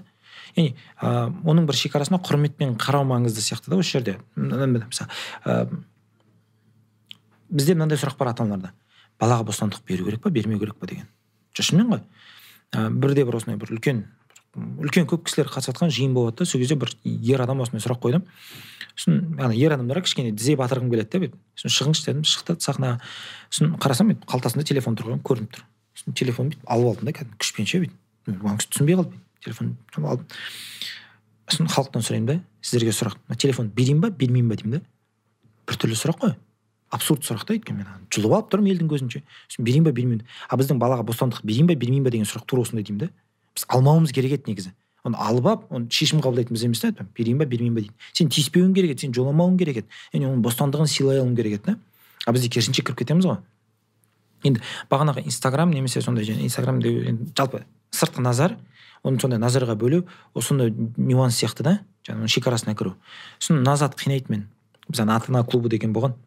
Сонда ата аналарда андай бір ақыл кеңес ретінде айтатын да ыыы аватарға балалардың суретін салмаңыз аватар деген ол сен екінші жаның деген сөз ғой.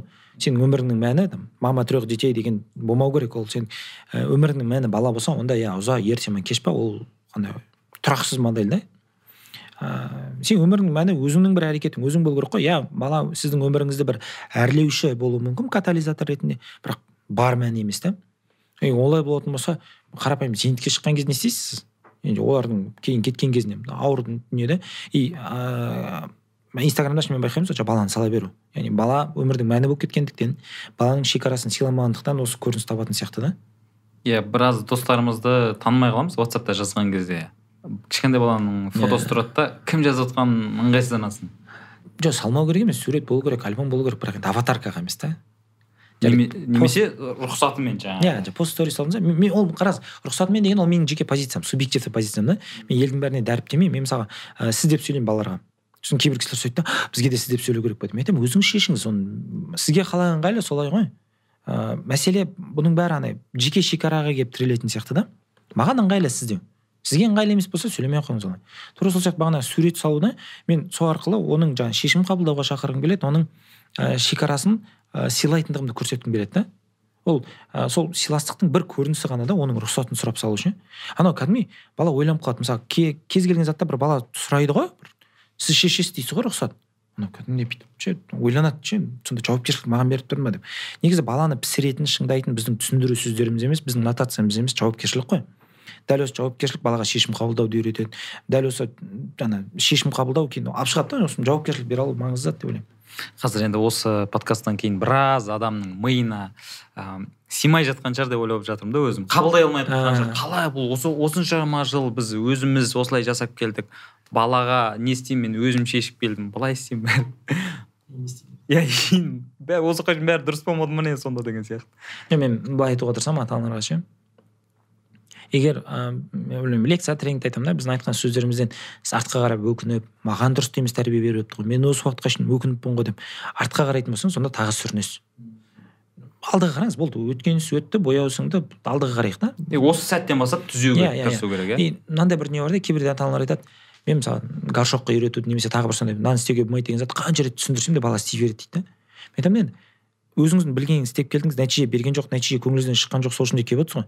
Енді мына амалды істеп көріңізші деймін жай ғана. Бізде істеп көрмей сынау бар ғой. Жай ғана істеп көріңіз.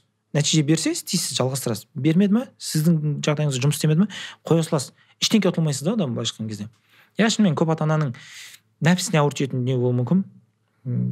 Қайта мен барынша андай фильтрлеп айтуға тырысып жатырмын соның өзінде. Бізде енді балалар контенті тапшы деген түсінік бар. Шынымен де тапшы негізі қазақ тіліндегі балалар контенті. Ә, сіз өз балаларыңызға қандай контенттерге рұқсат бергенсіз? Көруге және оған іздеу процесі оған ұсыну процесі қалай жүреді? Біз неден бастауға тырысамыз керісінше ана сұрақтардан. Бәрі сұрақ болады ғой балада ә, баланың бір құлшынысы болады бір затты түсінгісі келеді. Мына бір әдет қалыптассын деген ой болды да. Сенде сұрақ бар болатын болса ол сұрақтың жауабы кітапта бар.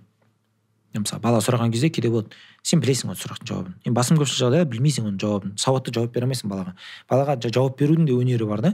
Басында мен жасанды түрде қазақ тілі контент ұйымдастыруға тырыстым барынша. Қалай болды? Ә, мысалға балапанды ғана көреді. Балапаннан басқа жаңағы мен бар ғой жаңағы картун нетворк тиджи сияқтылардың бәрін каналды өшіріп тастадым жай ғана. Ә, болды. Таңдау балапанды ғана. Тура сол сияқты мысалы андай түрлі мультфильмдерді қазақша флешкаға жүгіндеп жаңағы хард дискпен қосып қойдым. Ауысады да мультфильм көре береді қазақ тілінде.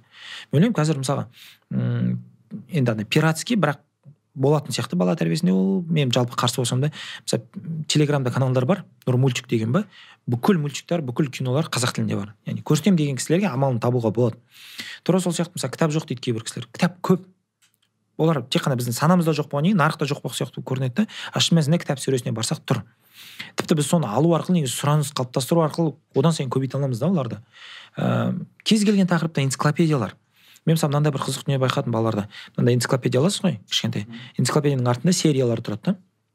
Бізде қызығады ананы оқып болғаннан кейін мынандай сериясы бар екен мынаны алайық мынаны алайық мынаны алайық деген сияқты ше. Ә, енді кітап тақырыбына мынандай бір не айтайыншы. Сухомлинский ә, мектепке дейінгі балада сүйікті өзінің кітапханасы болу керек дейді. Кітапханасында он бес кітап болу керек дейді. Ойлаңыз да. Немесе ә, бағанағы луис теренс деген кісі айтады ә, жаңағы вундеркинд балалар бар ғой. Олардың кейсін отбасын зерттеген кезінде әрқайсысының отбасында орта есеппен үш жүз үш жүз жиырма сегіз кітаптан болған екен да. Ойлаңызшы. Сұмдық қой. Орта есеппен үйде үш жүз жиырма сегіз оқулық емес кітаптың болуы. Бағанағы интеллектуальный фон бай деген сөз да оның вундеркинд болуының бір алғы шарттары. Тағы бір мынандай кейс. Ә, сухомлинский мына жаңағы қылмыскер балалардың кейсін зерттейді яғни ерте жастан жаңағыдай бұзақылық жасағанша сотталып жатқан сосын олардың үйіне барады отбасымен танысады да. Сөйтіп мен деректері есімде жоқ бұл кейстің ә, жүзге жуық баланың үйінен жүзге жуық кітап табады. Жүз баланы жүз бір кітаптан болып тұр ғой сонда орта есеппен. Енді біз ол балалардың қылмыскер болғандығына не үшін таңқаламыз дейді да. Шын мәнісінде біз андай ғой бала кітапты білмеймін бір. Бес алты жаста бес алтыншы сыныпта оқу керек сияқты да. А оның кітапқа деген махаббаты кітаппен қарым қатынасы мамандарға сенсек үш айда басталу керек дейді да. Ең бірінші кітабы үш айлық кезінде. Ондай. Біз миымызға сыймайтын сияқты ғой мен сол контентін сол кітапты бір негізгі платформа қылуға тырысамын.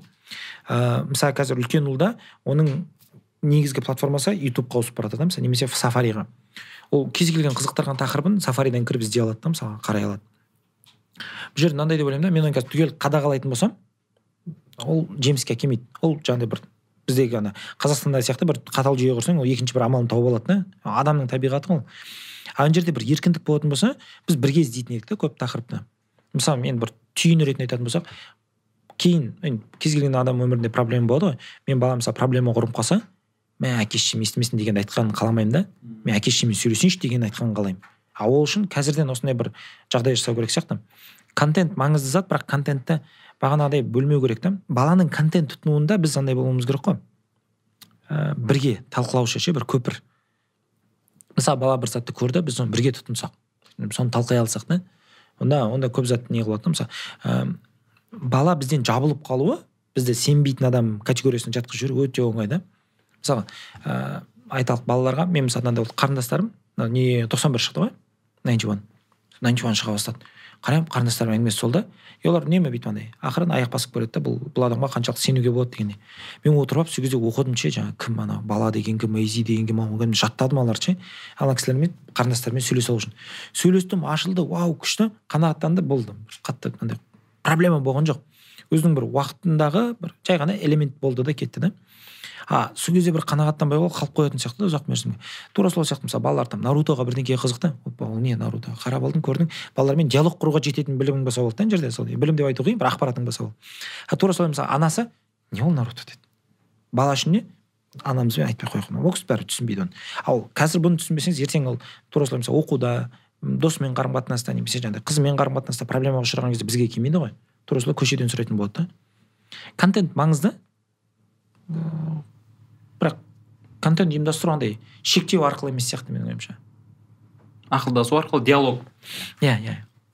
Мен мынаны жаңағы теледидардың кейсін айта салайыншы. Алғаш бөлек шықтық жаңағы ата әжесімен тұрды басында бала. Сосын оны алып алдық. Інісі әлі кішкентай ол дым түсінбейді. Ыыы бірінші істеген амалдардың бірі теледидарды өшіріп тастадым теледидар болмау керек. Теледидар көрсетпеудің ең тупой амалы теледидар жоқ қой. Ыыы мақтанамын. Балам теледидар көрмейді деп. Көре алмайды ғой негізі. Бірақ мен көрмейді деп мақтанамын да. Сөйтіп ата жаңағы үлкен үйге барған кезде әке шешеммен немесе басқа қонақ қалған кезде бала теледидардың алдына жабысады да қалады анау жабайы ғой теледидар көрмегенше. Идея келді опа мынау шешім емес. Не істеу керек. Мен осыған дейін сонда бар білімді пайдаланбай ана бір андай жеңіл авторитетке салып жіберген екен да. Ә, келесі бір үйге көштік енді пәтерде тұрамыз. Келесі үйге көшкен кезде ол үйде үш теледидар болды. Өшірген жоқпын да ешқайсысын. Үшеуі де қосылып тұрды. Ана бала мысалы там бәленбай сағат көре алады бес алты сағат отырып көре алады яғни алдындағы қинағанның менің билігім бар кезде қысқанның салдары ғой бұл. Ана біз серпінді пружинаны қысқан кезде атады да. Бізде көп бала әке шешенің қысымында әке шешенің жаңағы билігінен шыға алмағандықтан осылай жүреді. Кейін шыққан кезде кетеді да ал ол кеткен кезде психикада басқасы да шыдамай қалады. Біз қанша мына балалардың оқуға түскен кезде әке шешенің ықпалынан шыққан кезде қуғанын көрдік қой. Мен, мен қазір қудыртып алатқаныма қуандым бір жағынан. Бірақ ана мәселені де шешу керек та. Сосын мен мынаны түсіндім да сол теледидар сол ютуб жаңағы кез келген контентпен оның менің қарсыласым екен мен конкурент екендігімді ше. Мен бала маған назар аудару үшін мен теледидардан қызығырақ болуым керек екендігін түрлі сол жерде мысалы нелер бар педагогиканың құрал тәсілдері бар да методик соларды пайдалану арқылы мысалы бала мен қысқартып айтып отырмын ә, түбінде мынандай шешім келді мен теледидарды екі аптаға көрмеймін деген сияқты ше. Біз өшірткен жоқпыз басқан жоқпыз. Бала өзі шешім қабылдады сонда. Мен теледидар көрмеймін. Екі апта яғни өзін өзі басқару өзі шешім қабылдау қабілетінің дағдысының бар екендігіне риза болсын да. Қарапайым мысалы мына тамақты мен ішемін не ішпеймін деген сияқты. Кейбір туысқандар болады мынау неме қазірден ішпеймін? Мә көп сөйлеме ішесің? деген сияқты ше. Жоқ мен ішкім келмей тұр ғой деп. Айтамын ол қазір қалауын естіп тұр ғой. Осындай бір нелер бар енді. Көп рахмет сізге ескендір мырза. Сіздерге рахмет шақырғандарыңызға өзіме қажет иә көрермендерге де қажет өте көптеген ақпараттар айтылды. Енді м жаңағы бізде сөз бар ғой естір құлақ болса дейтін. Естір құлақ болса ә, біздің енді ә, қанша просмотр жинайтынын білмеймін бірақ ә, қанша просмотр жинаса да сонша отбасыға өздеріне бір жақсы м әсер ете алатын өзінің болашағына баласының болашағына әсер ете алатын дүниелер ә, алды деп ойлаймын. Ә, келгеніңізге көп рахмет. Ә, бүгін админононың қонағы педагог тренер ә, ттб ның жұлдызы ескендір бестай. Өзіңізге қалай